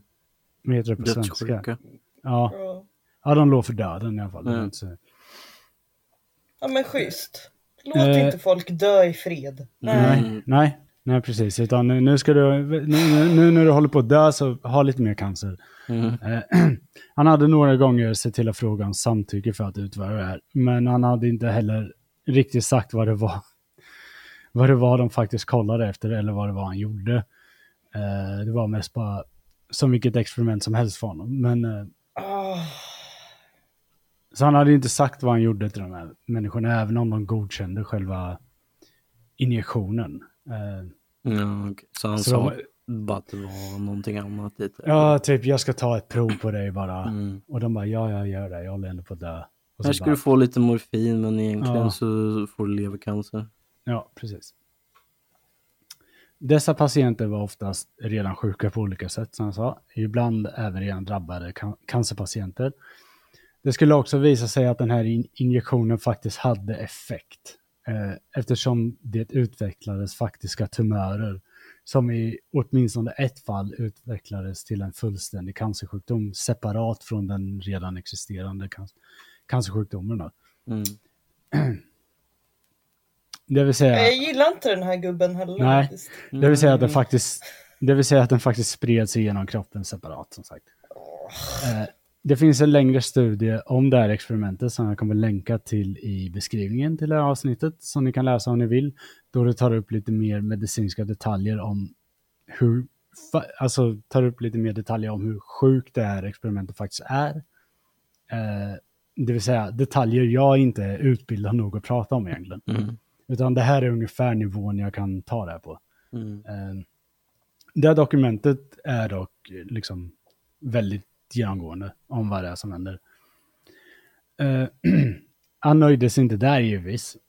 Med ganska, Nej, är lovande re- med ganska lovande resultat på redan sjuka människor så behövde han givetvis också försöka detsamma med friska människor. Och dessa hittar han oftast i fängelser och mentalsjukhus. Yes. Ja, men det är ju där man hittar människorna som samhället officiellt har eh, slutat bry sig om. Japp. Japp. Och det är ju den enklaste gruppen av människor att liksom eh, plocka ifrån och inte behöva oroa sig om några konsekvenser. Liksom. Mm. Eh, dessa patienters immunförsvar skulle dock visa sig faktiskt kunna hantera hans injektioner på ett mycket mer effektivt sätt och gav inte alls de resultat som han verkade önska. Vilket naturligtvis ledde honom till att han ansåg att han borde gå och injicera cancerpatienter igen, vilket han gjorde. Men Men Det här vad, funderade vad var jag det för över. resultat han ville ha? Ja, men det här funderade, funderade jag lite över. Okej, så det gav inte resultatet som du hade förväntat dig idag eller ville ha. Men att gå tillbaks och göra samma sak igen som du redan hade fått resultat på. Det låter snarare som något jävla eh, drag av sadism snarare än att du var ute efter att göra någon... liksom- Ja, men och lite confirmation bias kanske. Ja, ja, precis. Det är någonting där som bara slår slint antar jag på Ja. För att han går tillbaka. Eh, när han däremot försökte sig på experimentet på Jewish eh, Chronic Disease Hospital Nej. i Brooklyn, New York, så började folk däremot öppet protestera mot vad han höll på med. Några Ja, just det, för att judar var välutbildade va? eh, ja, han hade försökt få läkare på sjukhuset att delta i, hans ex- experiment. Men de, men, men de hade vägrat och till och med avsluta sina anställningar för att sedan gå ut offentligt med att det Så fanns en, med, med att det fanns en läkare som försökte sig på elakartade experiment på sjuka individer rakt framför allihop. Eh, Mm. Och lagens Based. långa arm börjar även intressera sig nu. Ja, det, det, här var, det här var det enda base i hela det här jävla avsnittet. Ja, alltså. Ja. Det, men, men det är väl liksom så här, tänk dig att du är den typen av grifter som han och den förra var. Och du tror att du kan komma undan med det var som helst. Så du har inga problem att prata med folk om det här. Så nu föreslår för några läkare så här, "Men kan, ska inte ni vara med på min sjuka grej? här?" Och de bara, eh, nej. Nej, vad fan är det här? Ja men, ja, ja, men och det, det, det känns ju också liksom som att säga, jag undrar liksom vad, det måste ju delvis ha lite med det att de jobbar så mycket liksom isolerat, att det hinner gå så långt att de faktiskt tror att ja men det här är en bra idé. Det här Ja. kan jag prata om med vem fan som helst, speciellt mina kollegor. De kommer ju inte alls tro att jag är dum i huvudet. Nej, för att de verkar ju så jävla säkra på sin sak. Mm. Eh, och framförallt tänker jag så här, att i läkaryrket borde man väl aldrig vara så säker på någon sak. Så att, eh, men i alla fall, eh, de, de gjorde uppror där, så att eh, lagen började intressera sig. Eh, Mm. Men det var väl en jävla tur. mm, Southend fick sin licens indragen i ett år till en början. Eh, vilket är en löjligt dålig påföljd. men så här, temporärt, bara, du kan inte bete dig så nu, nu tar vi en paus här och så Mm. får vi Ja, prata om nu- det här sen. Nu är det ett år här eh, som vi vill att du pausar lite och funderar på vad du har gjort. Mm, Mm. Gå upp till ditt rum. Eh, jag, tänk, jag, tänk, jag, jag, jag tänker att vi jämför med eh, han Andrew Wakefield som uh, fejkar den här rapporten om att eh, vaccin ger autism. Han blev ju permanent av med sin licens. Eh, När det uppdagades att han inte bara hade fejkat resultaten utan att de han hade använt i sin kontrollgrupp också var köpta och att det egentligen var ett beställningsjobb från en advokat som ville ha bevis i en rättegång. Där en mamma sa att hennes barn hade fått autism från mRNA-vaccinet. var. Det- Ja, Mm. ja, i alla fall han fick licensen indragen i ett år till en början, eh, vilket senare ändrades till att det bara blev villkorligt av någon anledning. Mm. Eh, Vi har läkarbrist. mm. Ja, alla andra sa ju upp sig. Så det... Nej, ja, det var ett dåligt skämt. Eh, men i alla fall. Ja, men det, det, det är ju lite liksom så det är lite så man nästan förväntar sig att det ska gå i det här jävla landet med. Ja, men alla, alla andra fucka, alla andra var fuck it, vi drar någon annanstans. Fuck den här Mm. delstaten. Och sen istället för att liksom göra rätt för sig så bara, nej men vi får nog behålla den här snubben som är helt jävla... Mm. För det känns som en bra idé. Bara så här, äh, kommer ni ihåg han, han den där bindgalna? Han, han, Vi den tar där, honom! han, han den där vi aldrig, eh, som man kollar in i ögonen och det riktigt inte fanns någonting där. Utan, Mm. Ja, han, han, ja, kommer du ihåg? Ja, ja. Ta Ja, men tillbaka han honom. bjuder ju på kaffe, han är så trevlig. Mm. Eh, Okej. Men han tog ju med sig fika. ja, men här, ja, men han är ju bakat. Det så kan vi inte bara ge en chans till? Ja, men han är så trevlig mot de som ligger eh, sin sista tid där. Vi kan väl... Eh, mm, mm, varför var han där nu, Susanne? Ja. Eh, I alla fall, vilket innebar i alla, tyvärr att han kunde fortsätta sin karriär som ingenting egentligen har hänt. Dock ska sägas att det verkar inte, vad jag har hittat i alla fall, att han fortsatte med något skumt efter Han det. var utan- väl livrädd. Ja. De skulle bli busted igen. Mm. Eh, Så han fortsatte, an, om han fortsätter fortsatte han antagligen i smyg. Mm. Nej, nej, nej, nej, inte smyg, nej, nej, nej, nej, men han, fortsatte, han gjorde ingenting för offensiven. Men däremot så eh, avslutade han sin karriär med att bli ordförande för American Association of Cancer Research. Eh, Åh, Vilket är ett Precis otroligt, vilket är ett, otro, vilket är ett otroligt amerikanskt sätt att hantera problem och Mhm. konflikter med. Det är så här, den, den konstanta amerikanska sjukdomen av att eh, vet du det, eh, befordras eh, genom att fejla Mm. är, eh, det är något oerhört amerikanskt med det. Att fejla uppåt. Mhm, precis säga det. Ja. det. Ja, men det.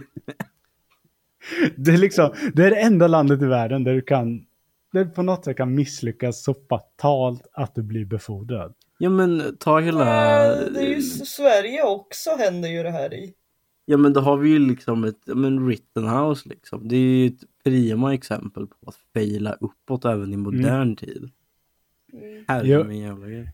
Enda riktiga sättet du kan göra något så här fuckat i Sverige och fejla uppåt, det är att fejla din statsminister och bli befordrad till diplomat så han blir av med det. Mm. Typ som eh, Göran Persson gjorde med ett antal personer. Han bara, när han ville bli av med dem så befordrade han dem till diplomat. och så skickade han dem t- till andra sidan världen istället. Bara, Men det känns ju lite som så här typ, eh, och nu kommer jag inte ihåg termen för det, men när man slängde ut folk i, typ från Grekland bara för att hindra dem från att bli mördade. mm, du kunde ju köra, ja exil kunde du sätta folk i. Eh, Mm. eh, Men det, Men- det, känns, det här känns också väldigt mycket som vilken mellanchef som helst på en svensk industri. Ja, ja. Det, det, Och jag det, inser vad folk kommer tycka om att jag säger det här. Men är det någon som faktiskt gillar mellanchefer på riktigt? nej, nej. Mellanchefer. Ja, andra mellanchefer som de spelar paddel med. Ingen, alltså det, ja. Alltså grejen är så här, det bästa med mellanchefer är att man kan, man kan sätta folk som mellanchefer och på det sättet nullifiera dem. Eh, om man inte kan bli av med folk så befordra folk till någon tjänst som de inte kan göra någonting från. Eh, Ja, var, nej men alltså mellanchef är perfekt för folk Mm. som är skitdåliga på alltså hur produktionen fungerar. ja, Fan, nu kanske jag borde bli mellanchef. Ja, ja, ja. Alltså ja. börja jobba på en industri. Ja, men det känns ju liksom som att Var mellan... där, i, var där i 20 år, lär dig ingenting. Så kommer du bli mellanchef, jag lovar. ja, ja, för kan, kan du någonting så kommer du stå kvar vid den där maskinen. Mm. Ja, Så Det, så kan du ta det. Eh, nej men alltså det, det är ju koncept givetvis att befordra folk eh, uppåt när de failar för att man ska bli av med dem också. Eh, som Ja sagt, men eller för att liksom hålla dem tysta. För jag menar i vissa Mm. fall så kan det ju handla om att misstaget som de själva har gjort kommer få större konsekvenser för hela organisationen än den enskilda individen. Och hur får man en korkad idiot att hålla käften? Jo, man ger dem mer pengar. Ja, precis. Eh, och som sagt, det var, det, det var en ganska använd taktik av regeringen Persson att göra folk till diplomater så att man blir av med dem. Så att det, det, nu kunde de inte säga så mycket längre. Och så kunde, per, kunde Persson stå i tv och säga att ja, hon kommer göra ett jättebra jobb där borta. Och, eh, jag ser verkligen fram emot att hon är, liksom, kommer jobba där i typ, eh, säg Nairobi eller vad fan är. Och så bara, det enda, det enda Persson egentligen gjorde var att kasta ut någon som var kritisk mot honom. Mm -mm. Och, det, det liksom kan inte säga nej till en diplomatroll heller. För det, det skulle se fett skumt ut om du säger nej till det. För då skulle det här skapa sin egen kontrovers. Ja men och vem, alltså förlåt men i dagens värld, vem vill inte ha möjligheten att kunna begå brott utan konsekvenser? Ja, ja, det, jag borde bli diplomat. Jag känner att eh, jag, jag har nytta av den titeln till skillnad från en annan. Stefan. Du får inte begå Gå runt och-. Ja, men eh, jag säger så här att det finns en hel del att diskutera kring det som jag har berättat idag. Så jag tänker att vi kan ta, prata lite fritt om eh, eh, liksom fängelser överlag. Eh, Mm. jag, vet att, eh, jag vet att jag från början tänkte ta med eh, Stanford Prison Experiment. Jag tänker göra ett eget avsnitt om det. Då får Mm. du gärna vara med Oskar också. Ja. Eh, men Ja, alltså jag har ju mina åsikter om, om det experimentet rätt Mm. friskt om man ska Ja. säga så. eh, det, det var därför att när, när, när, när jag började läsa om det förra veckan så insåg jag rätt snabbt att okej, vi kommer inte få med i det här, utan vi får göra ett eget. Ja, men just hela den grejen är ju så... eh, Alltså, jag kan väl tycka att det experimentet i sig hade kunnat haft någon eh, bäring överhuvudtaget om det inte var så jävla dåligt gjort. Alltså, det, så här är det med väldigt, väldigt många experiment. Som, om- om vi ser till, eh, det finns vissa experiment som har utförts på fängelseanstalter som är oetiska och, och dåliga. Eh, som vi ändå har fått vet, liksom användbar data ifrån i alla fall. De jag har tagit upp idag har vi inte fått någonting ifrån. Jag vet, inte- jag vet inte riktigt vad vi ska med till att du kan injicera cancer i folk. Ja men Det- liksom, det är väl en rätt, det, det, alltså om man ser idag så känns det ju rätt självklart att om du injicerar någon med cancerceller så är chansen rätt hög att de kommer få cancer. Ja, jag vet. Men det är ännu bättre är ju så här, du kan ju bara göra det under ett mikroskop. Mm, För du kan ju se hur celler reagerar mot varandra. ja, det är bara att ta ett cellprov. Ja, men med grejen är så att de, det finns experiment som ändå har, eh, som, man, som amerikanska staten i alla fall fortfarande bett om ursäkt för, men som åtminstone har lett till någonting. Vi, Mm. eh, vi brukar ha det här problemet också när vi diskuterar eh, typ som eh, nazivetenskap och sådana grejer. Mm. Det är liksom folk säger, ja men de kom ju på bla bla. Nej, det var inte så mycket de kom på egentligen. Jag tror att om vi tar typ nazisterna exempelvis, vad- de kom på eh, smärt, en smärtstillande medicin. Tror jag. Wow, Eh, vilket och- bidrag till vetenskapen. Ja, ja, det var, det var helt klart värt allt det där. Ja, precis. och, eh, men det är, liksom, det, det är ett ganska återkommande tema att så fort eh, experiment börjar gå över till så här helt sjuka grejer så Mm. kommer det inte generera några resultat som är användbara i alla fall. Mm. Eh, så de här oetiska forskningar vi hade, som amerikanerna hade på fängelse som eh, gjorde att vi kunde separera hepatit A, B och C, de var ju inte i närheten av det här. De var ju oetiska för att de inte riktigt visste vad de gjorde och Mm. att eh, typ man utnyttjar liksom folk som inte har ett eget val.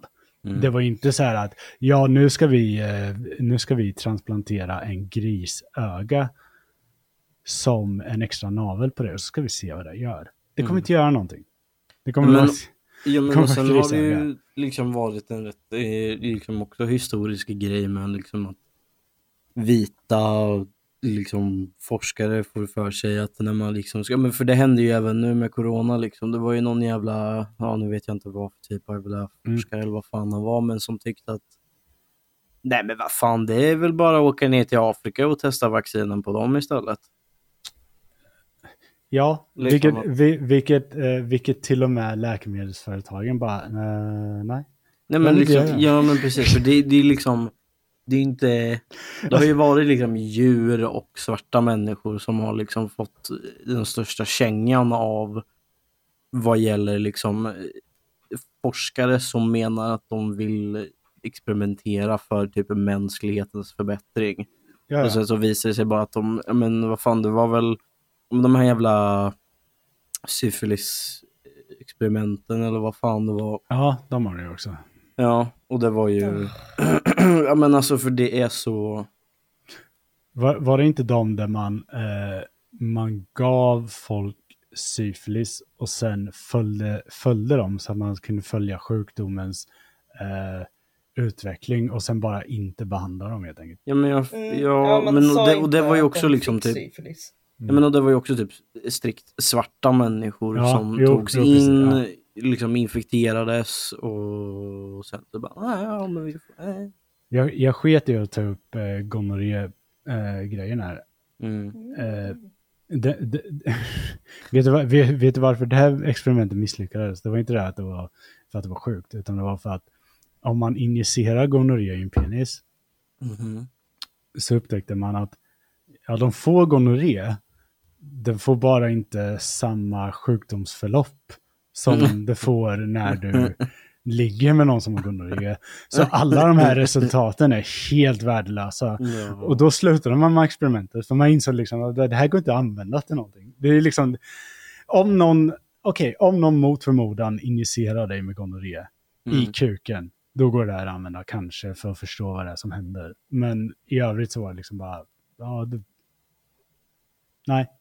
Men alltså, ja, jag vet inte. Alltså, jag älskar ju vetenskap och Ja. eh, liksom allt som hör till. Men samtidigt så är det ju så att forskningen i sig är ju bara så bra som forskaren som utför den. Och jag menar, hittills så har vi ju näst, alltså ja, det, det har ju liksom inte varit förrän, ja men nu, fan de senaste, vadå, 20 åren som människor som inte är vita rika cismän har Mm. fått tillåtelse att arbeta med de här grejerna på ett sätt som faktiskt erkänns. Liksom. Ja, jo, så är det ju.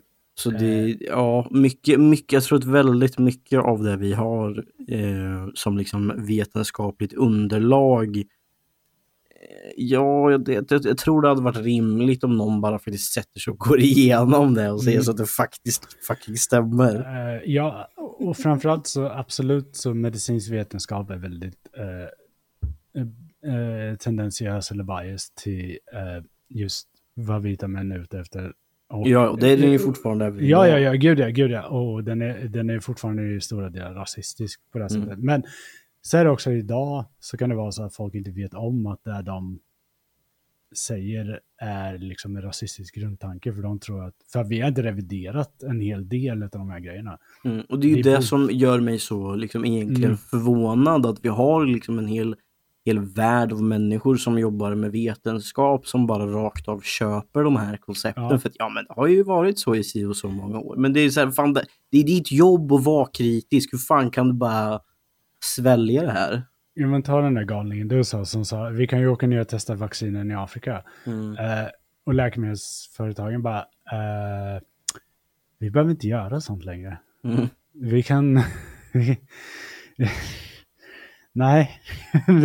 Men ja men alltså det, fy fan. Ja men alltså det är så här, och liksom, för det här var ju liksom typ, eh, om jag inte minns helt fel, det var ju liksom något den här gubbjäveln sa liksom på live-tv i liksom en intervju på någon Mm, mm. nyhetskanal. Liksom. De, de skäms inte överhuvudtaget med att Nej. liksom, så här, nej men jag värderar inte svarta människor än liksom labbrotta. Och det är de, alltså det finns liksom inga qualms överhuvudtaget med och Ja men, ja men som vi pratade om förut, som eh, den där jävla snubben. ja. Liksom hade inga problem överhuvudtaget med att diskutera sitt vidriga jävla sidojobb med sina kollegor. Nej. Och liksom tror att det är helt normalt. Men, och det, där har du ju också någonting vi kan, alltså förutom då, eh, eh, alltså när man tänker läkarvetenskapen överhuvudtaget, och, och, och framförallt har man ju sett under pandemin nu, det här med eh, vilka, som får, vilka som kommer till tals typ i tv och media. Mm. Eh, många av dem är bindgalna idioter som jag Mhm. inte är riktigt säker, säker på om de verkligen ska få gå ut på gatan helt ensamma. Mm, Men alltså för att de, du, du, du har ju typ som vi, vi, vi säger amerikansk media exempelvis. Eh, de ringer ju inte in typ Pfizer eh, för att de ska svara på deras vaccinfrågor. Mm. Utan de tar typ Ken Jones från Kentucky som är general practitioner. Han har inte forskat på 40 år sedan han tog sin Mm. jävla licens. Han ska svara på vaccinfrågorna om Pfizers nyutvecklade vaccin. Ja men där har du också liksom att folk ska hela tiden göra liksom politik av allting. Att det ska, mm, de måste liksom visa upp de här ja men det har ju, vad heter han i Sverige? Eh, Sven Roman heter han, jävla Ja. galning. De, den jävla, ja, han är ju dessutom antitrans givetvis, men inte bara det. Han, Ja men inte han typ anti-autism också? Eh, jo, men det känns också, definitivt som att han är en sån som gillar typ autism speaks och sånt där. Jo, jo, det är han. Eh, och eh, han är ju en typisk sån galning. Så att, Ja men blev inte han, det, det vart ju ett jävla liv kring det och sen så gick han ju ut på Twitter och bara nej alltså jag ber om ursäkt. Jag ska inte sitta och dela mina privata åsikter på Twitter längre och så tar det typ en kvart och så var han igång igen. Jo, eh, vi, eh, det fanns en misstänk, misstanke om att de blev uppringda av Ivo. Mm. Som var typ, hör du, nej. Ja men det är liksom, det är så här, alltså om vi säger så här, om, om man är, om man har en läkarutbildning eller vad man nu fan har, Mm. men liksom inte aktivt liksom praktiserar medicin med patienter, visst, sitt och säg vad fan du vill på internet. Mm. Men om du under tiden som du sitter och spyr den här jävla gallan på internet jobbar med patienter, nej då, det är inte lika, det är fan inte hållbart alltså. Jag känner, jag, ja, jag känner, jag känner lite så här, eh, om du är en eh, vet, allmänläkare, som det heter, eh, och du jobbar på en vårdcentral under en viss region, Mm. då ska du ge den informationen som regionen säger åt dig att ge. Mm, för det är ja, mycket bättre läkare som har sagt vilken information som ska ges Mm. ut. Du ska Mm. inte ha dina egna åsikter om det här. Och folk som kommer till din vårdcentral, de ska inte behöva utsättas för dina personliga åsikter kring det. här. Utan de ska... Det är regionen som bestämmer, inte du. Fuck Ja, men you. och sen Alltså, om man jag, jag, you, jag, jag förstår, Ja. grejen är så här, jag fattar inte hur man kan ha en yrkesgrupp som läkare och sen vara så jävla ursäktande med att de har ett kundbemötande som är skit Mm. Mm, och liksom att de eh, missköter sitt jobb. mm. För om jag till exempel skulle stå på mitt jobb Ja. och bara, jag jobbar ju som elektriker, Mm. och så står jag där och bara Nej men alltså det är så jävla töntigt att slå av trafon innan man börjar jobba på den. Det bara bögar som inte vill ha ljusbåge i kroppen. Alltså min chef hade ju bara, vad fan är du står och säger jävla Ja. snorunge? Skärp dig! Ja men det blir ju lite den här, jag tror att vi har ju kanske gått liksom något steg för långt i det här med liksom individuell yttrandefrihet. Ja, jo. Ja alltså Eh. jag tycker så här, vissa Vissa instanser ska ha lite mer makt när du yttrar dig som yrkesman. Ja men för det är, ju- det är ju samma sak med de här snutarna som sitter att så här, de, de lägger en brasklapp i sin bio att nej men jag agerar inte så här i officiell roll här. Men samtidigt så liksom deras profilbild, ja då står de i då står de i uniform och så lägger de upp bilder från arbetstid och hej och hå och allt vad det är. Och det är liksom så här det finns något slags så här eh, ja, jag vet inte riktigt vad, vad det kan summeras till men Mm. det finns ju ett jävla, ja men det är ju liksom, det finns bara ett liksom, konkret brist på ansvar överallt hela jävla tiden. Men det var ju som jag sa till, eh, liksom jag sa ju till UB Södermalm, typ, varför, varför klarar Försvarsmakten av det här och inte ni? Mm. För jag menar, det jag, jag känner jättemånga militärer, men det är inte många utav de, de kanske har en bild på sig själva på jobbet någonstans, eh, på deras sociala medier. Ja men eller typ liksom polaroidbilder i någon låda liksom. Ja, men det är inte, de står ju inte i sin profilbild på Twitter och sen börjar skrika liksom Ja, det är gött, slå på dem bara eller någonting så. Mm. För det- de skulle ju aldrig komma undan med det. det de skulle bli utkastade direkt. Ja men alltså sen samtidigt så kan man väl också tycka med tanke på att det enda som krävs för att du liksom ska kunna bli polis är typ att du kan fan skala en clementin liksom. Ja, väl- måste- det, Du måste ha haft historia A också. ja, Ja. ja, så att du jag, inte blir fascist. ja, fast Fast jag, det- jag, tvekar på det. Jag tvekar på den. Jag tvekar på den. Spe- Speciellt med tanke på hur eh, fasces i loggan hanterades 1953 där. Eh, Ja men det var den eh, loggan du tweetade om för några veckor sedan. ja, va? ja. Mm. Det Där man där skulle- pissgriset. Ja, där man skulle gömma det i grönsaksriset, vad fan det stod i... Och, i Gömde i grönsakerna lite. Ja, gömde i grönsakerna. Ja. Eh, Rapporten hade föreslagit att polisen skulle byta ut fasces. Och eh, den interna dialogen var, ja men göm dem i grönsakerna lite. Det är därför de är så svår, svåra att se i den vanliga polislagen. Men om, Mm. du, om du tar till militärpolisen så är de jättesynliga. Mm. Fan, det var en grej jag tänkte på dock. Mm. Nej, som jag, jag vet alltså det här är bara någonting som man har hört så jävla många gånger. Men var det inte typ något liknande åt hållet? För vi vet ju, vi pratade ju förut om amerikanska fängelsesystemet och hej och hå. Men var det Mm. inte typ nazisterna när de byggde sina jävla camps och sina jävla koncentrationsläger och shit, använde inte de USAs fängelsesystem lite som en, en referensbild? Nej. Eh, Okej, det här kommer två delar nu. Ska jag säga. Mhm. Eh, USA hade en referensbild från Åh nej. USAs referensbild kom från Storbritannien och Boerkrigen i Sydafrika. De Mm. var de första som hade ett standardiserat koncentrationsläger om du säger. Eh, arbetsläger hade funnits innan, men britterna cementerade liksom hur koncentrationsläger ska se ut. Den här idén tog nazisterna eh, och implementerade. Så det är britternas fel att nazisterna visste hur man byggde läger. Däremot det amerikanerna gjorde, som är kanske ännu värre på något sätt, Mhm. det var att amerikanerna hade ju det man kallar för eh, Manifest Destiny. Känner du till vad det är? Eh, nej, Nej. aldrig. Det är eh, när, när, när USA bara var de 13 delstaterna från början Mm. och man skulle börja expandera västerut. Då kallade man det för Manifest Destiny, alltså att det var deras, det var deras öde att de skulle expandera ut och ta ett land egentligen.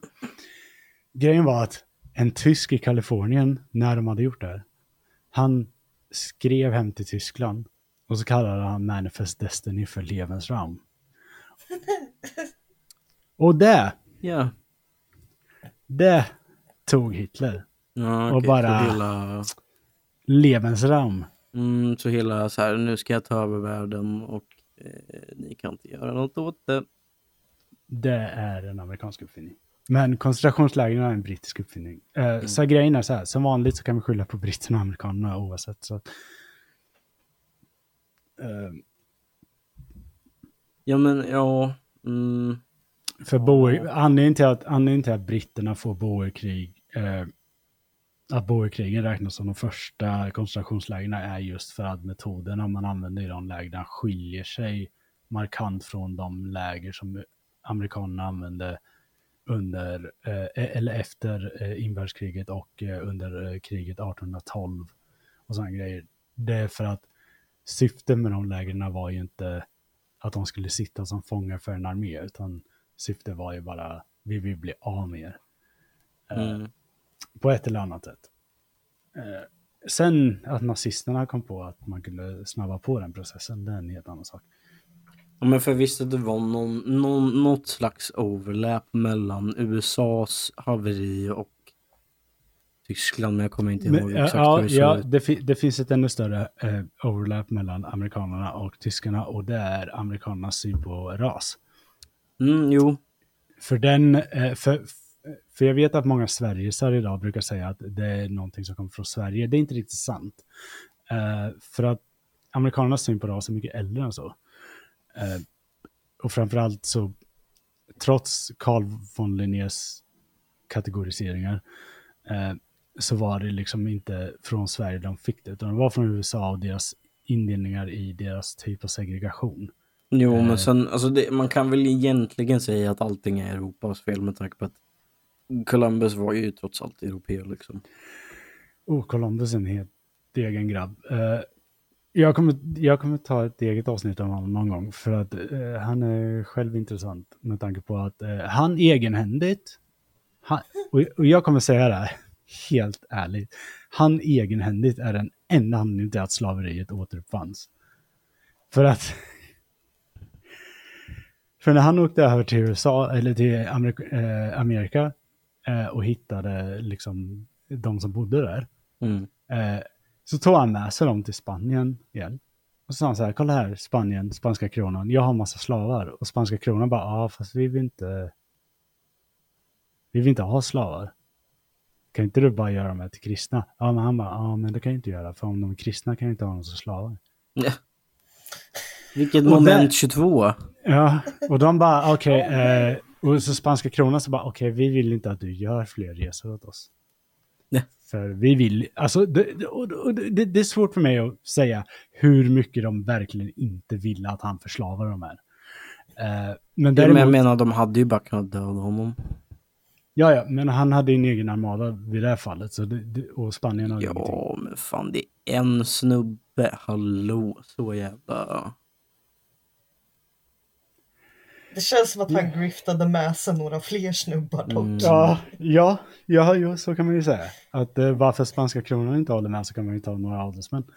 Eh, men grejen är så här, spanska kronan i alla fall, eh, när man läser Columbus egna dagböcker menar jag nu och inte andras Mm. dagböcker om Columbus, för att det var inte så jättemånga som tyckte om Columbus överhuvudtaget.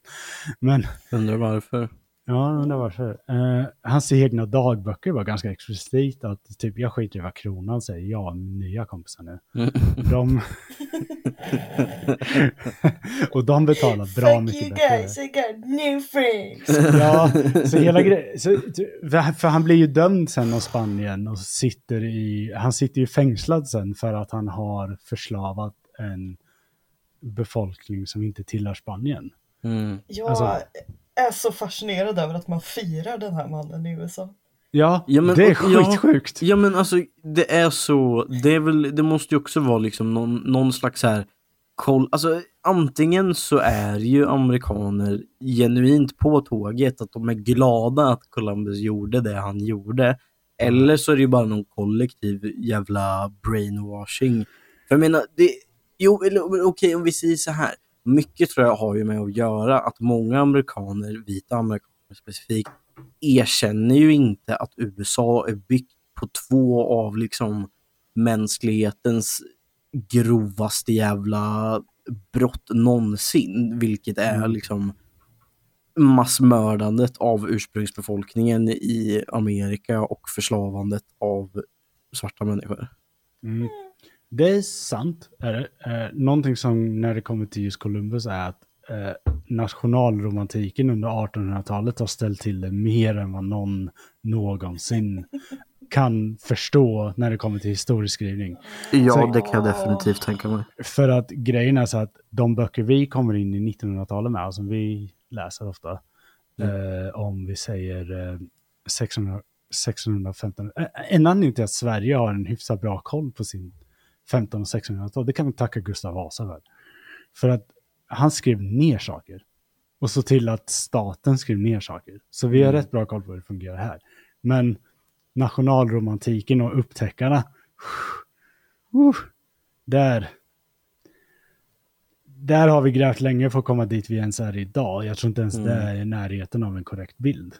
Eh, Ja men och det, det är väl också lite av ett eh, men återkommande grej så här att folk som gör saker för att de eh, liksom för kärleken till sin nation Mm. whatever. bla, bla, bla. De bryr sig inte så mycket om att liksom dokumentera vad det är de gör för att de vet. Men dels så, så har det ju definitivt med att göra att de kommer göra saker som är så Mm. fucked up att det, det, är inte bra om det här är nedskrivet liksom.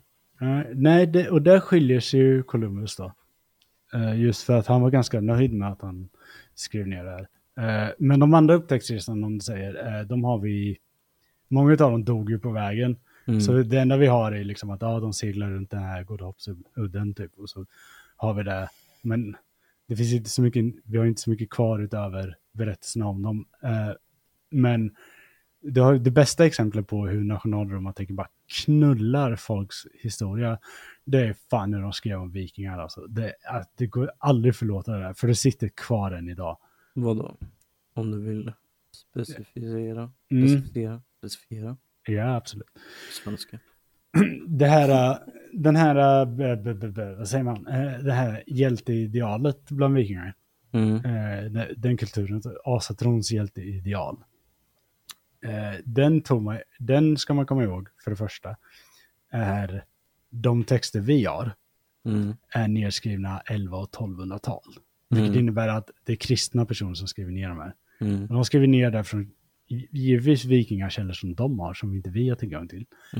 Men nationalromantikerna misstar vikingasagorna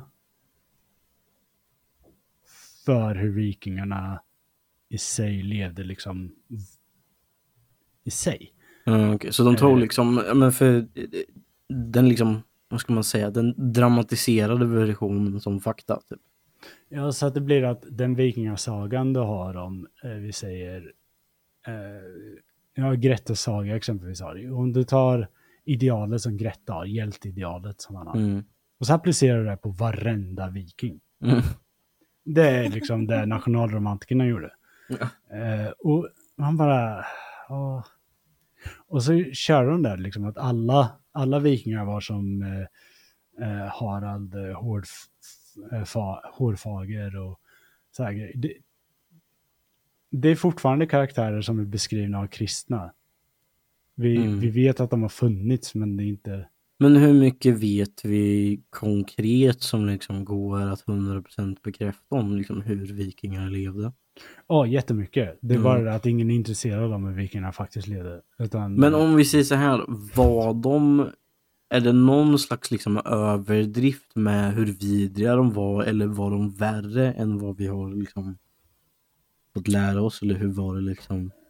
Var de så äckliga som jag är rädd för att de var? Om man säger så. Nej, nej, inte riktigt. Eh, nej, det skulle jag inte tro. Alltså, det är klart, om, det är klart vi gjorde uh, räder. Mm. Alltså, det gjorde man ju. Och, och, och i krig har det alltid förekommit, du vet, vidriga saker. Ja, Eh, men krig krig. men, men vikingar i sig, va? Vikingar i sig egentligen var inte... Alltså räderna i sig, de beskrivs ju ofta som väldigt monstruösa just för att de som skriver om dem är munkarna som utsätts för dem. Så det Mm. liksom... Ja, det blir de här, det blir de här hornbärande demonerna. Mm. Eh, men vikingar i sig, ja de utförde räder, men de utförde... Alltså vikingarna var inte något ociviliserat folk Mm. på så sätt. Ja men Så- för att om man tänker sig den, de, vad ska man säga, eh, karaktärerna, liksom eh, stereotyperna som, man har, som jag har stött på vad gäller vikingar har ju liksom, antingen så har det ju varit den här mm, eh, Alltså antingen att någon liksom har pratat om det på ett sätt så att jag blir lite orolig för om de är Ja. med i NMR eller Ja, så har det liksom varit, ja men de var bara monster liksom som våldtog Ja. och satte svärd i allt de som rörde på sig. Mm, vi, vi, vi kan stryka idén om den smutsiga barbaren. Mm.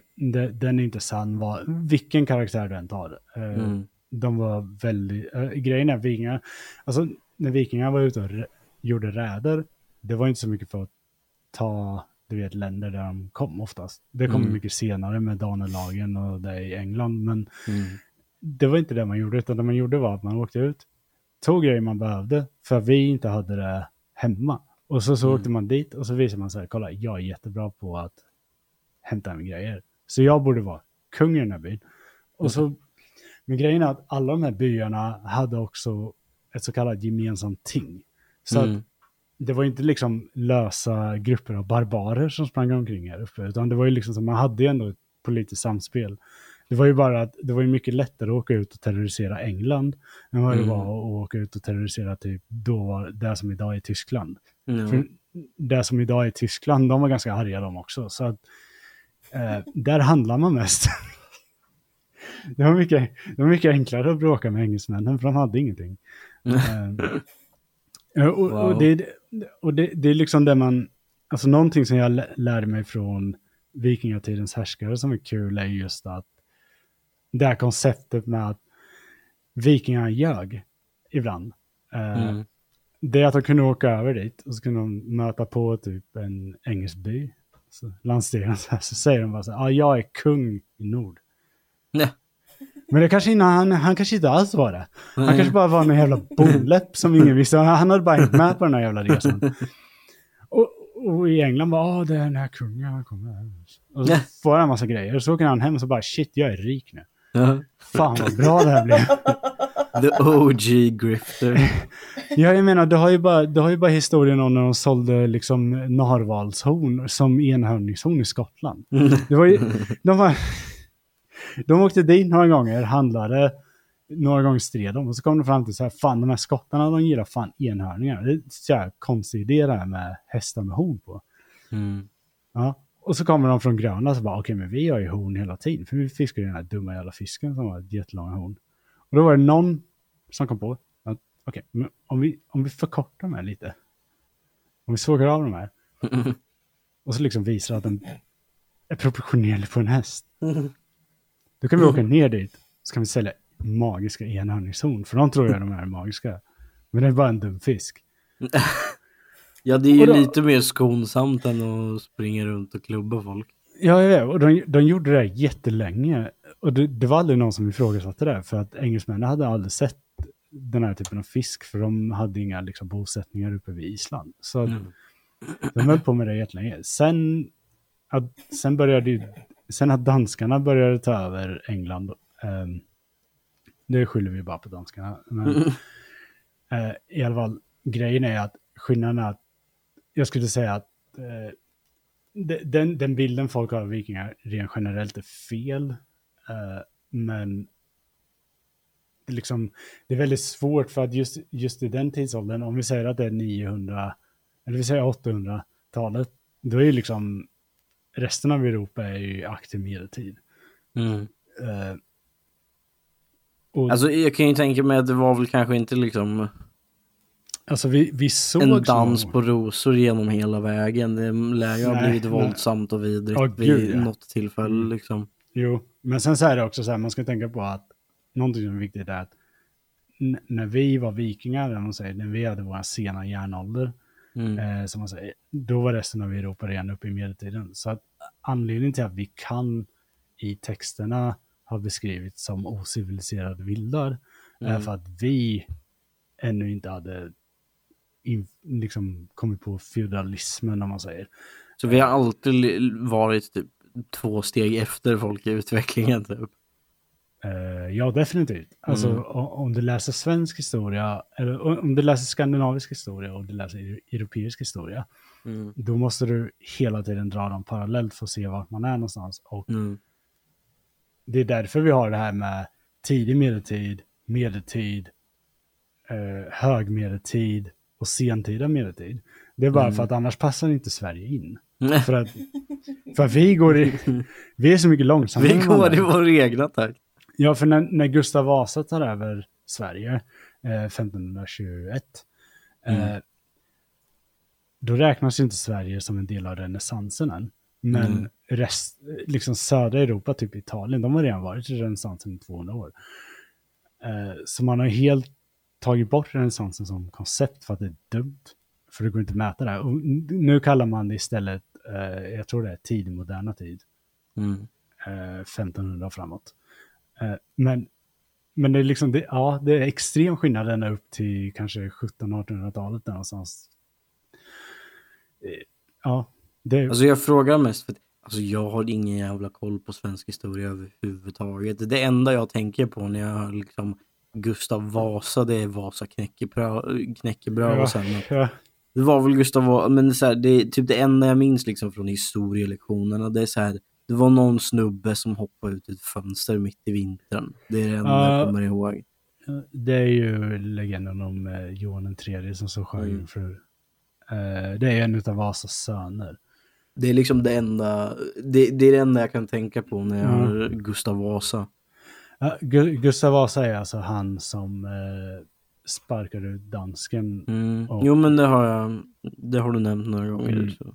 Så jo, men jo, alltså jag, jag förstår att det är många som har den, Men- alltså, Liksom nu när jag liksom tänker, alltså den, den mängden historia man lär sig om just svensk historia i skolan är väldigt bristfällig tycker jag. den är väldigt, jag skulle säga så här, den är väldigt konstig. Eh, Mm. Det, det, det har ju, vad är det, 4, 5 och 6 man lär sig om, eh, först lär du om stenåldern, bronsåldern, Mm. järnåldern. Mm, precis. Och sen så lär du dig lite om vikingar tror jag. Lite Ja, alltså jag vet också att vi, vi diskuterade slaveri typ i årskurs fem eller någonting, men alltså det var ju Mm. inte Ja, det- mycket information överhuvudtaget liksom.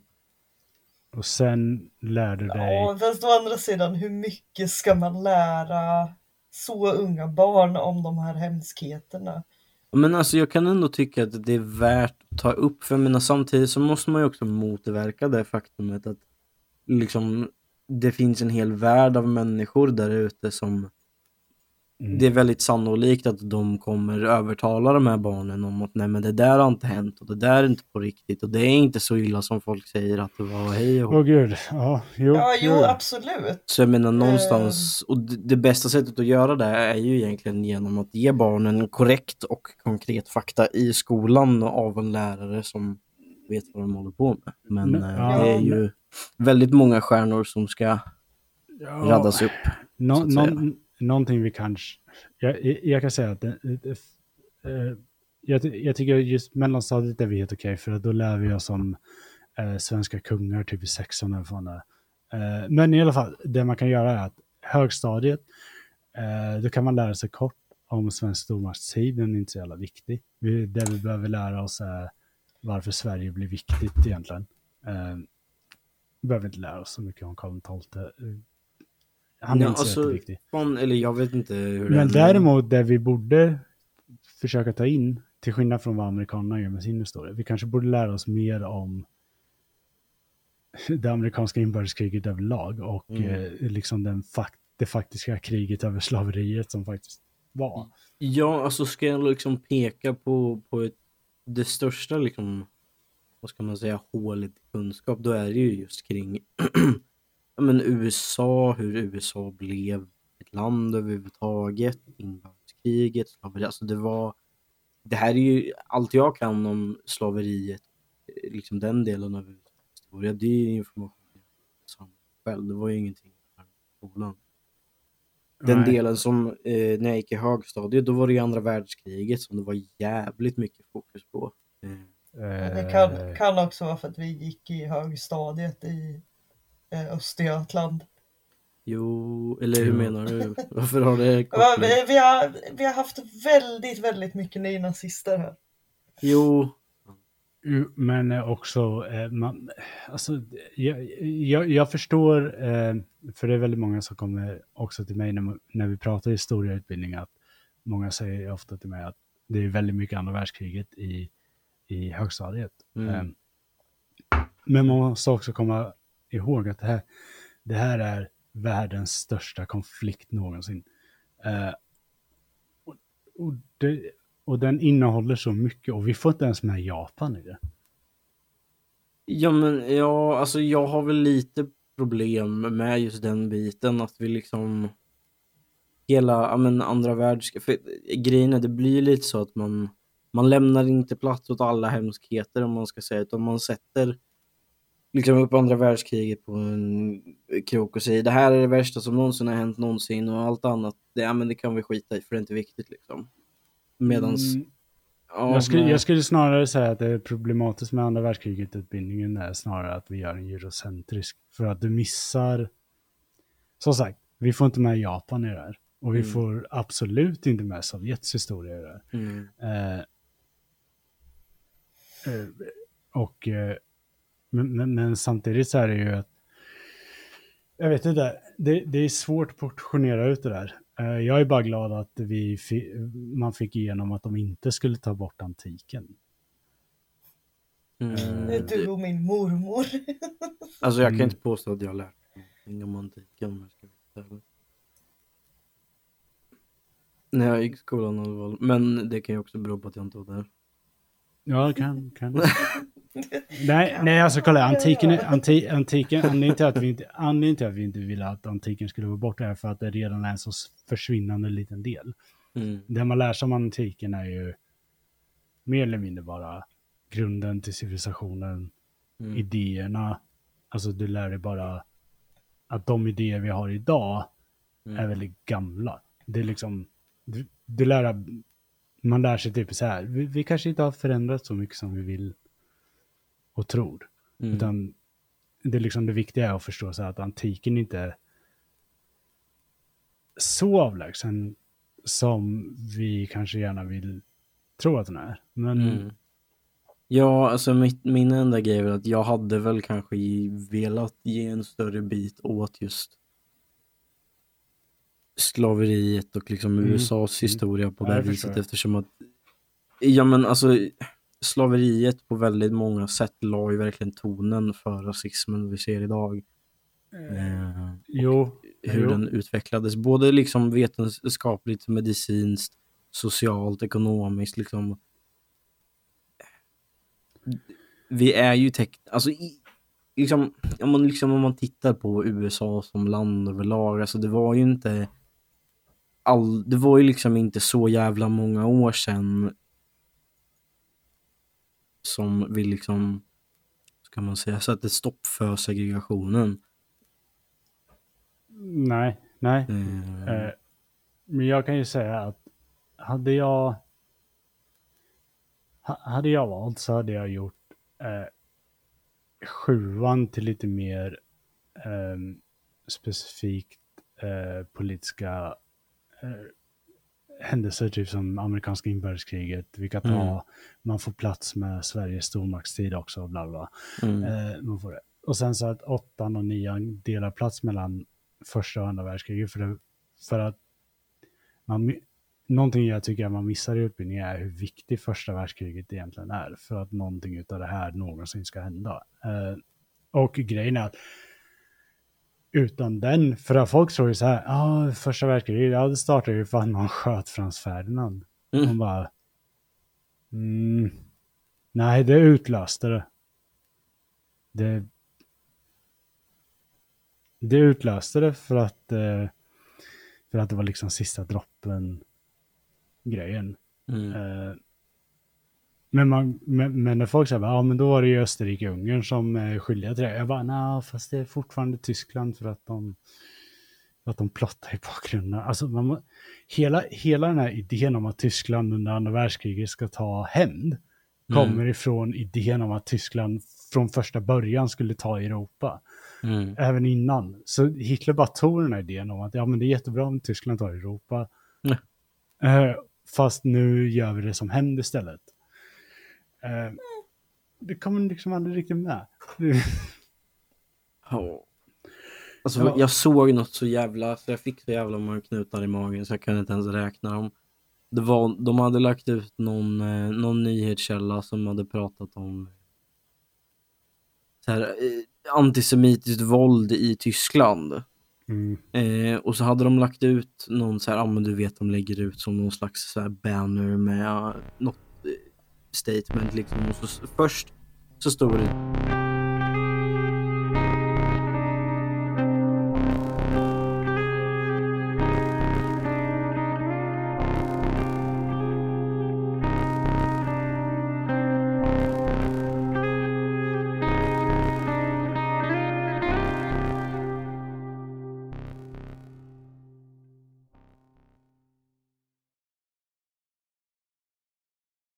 det här är Tardull på podden Alla dessa jävlar. Först vill jag tacka dig för att du har lyssnat på det här avsnittet. Men sen, om du vill stödja oss på Patreon för det arbete vi gör med den här podden, så kan du göra det på patreon.com slash tardull.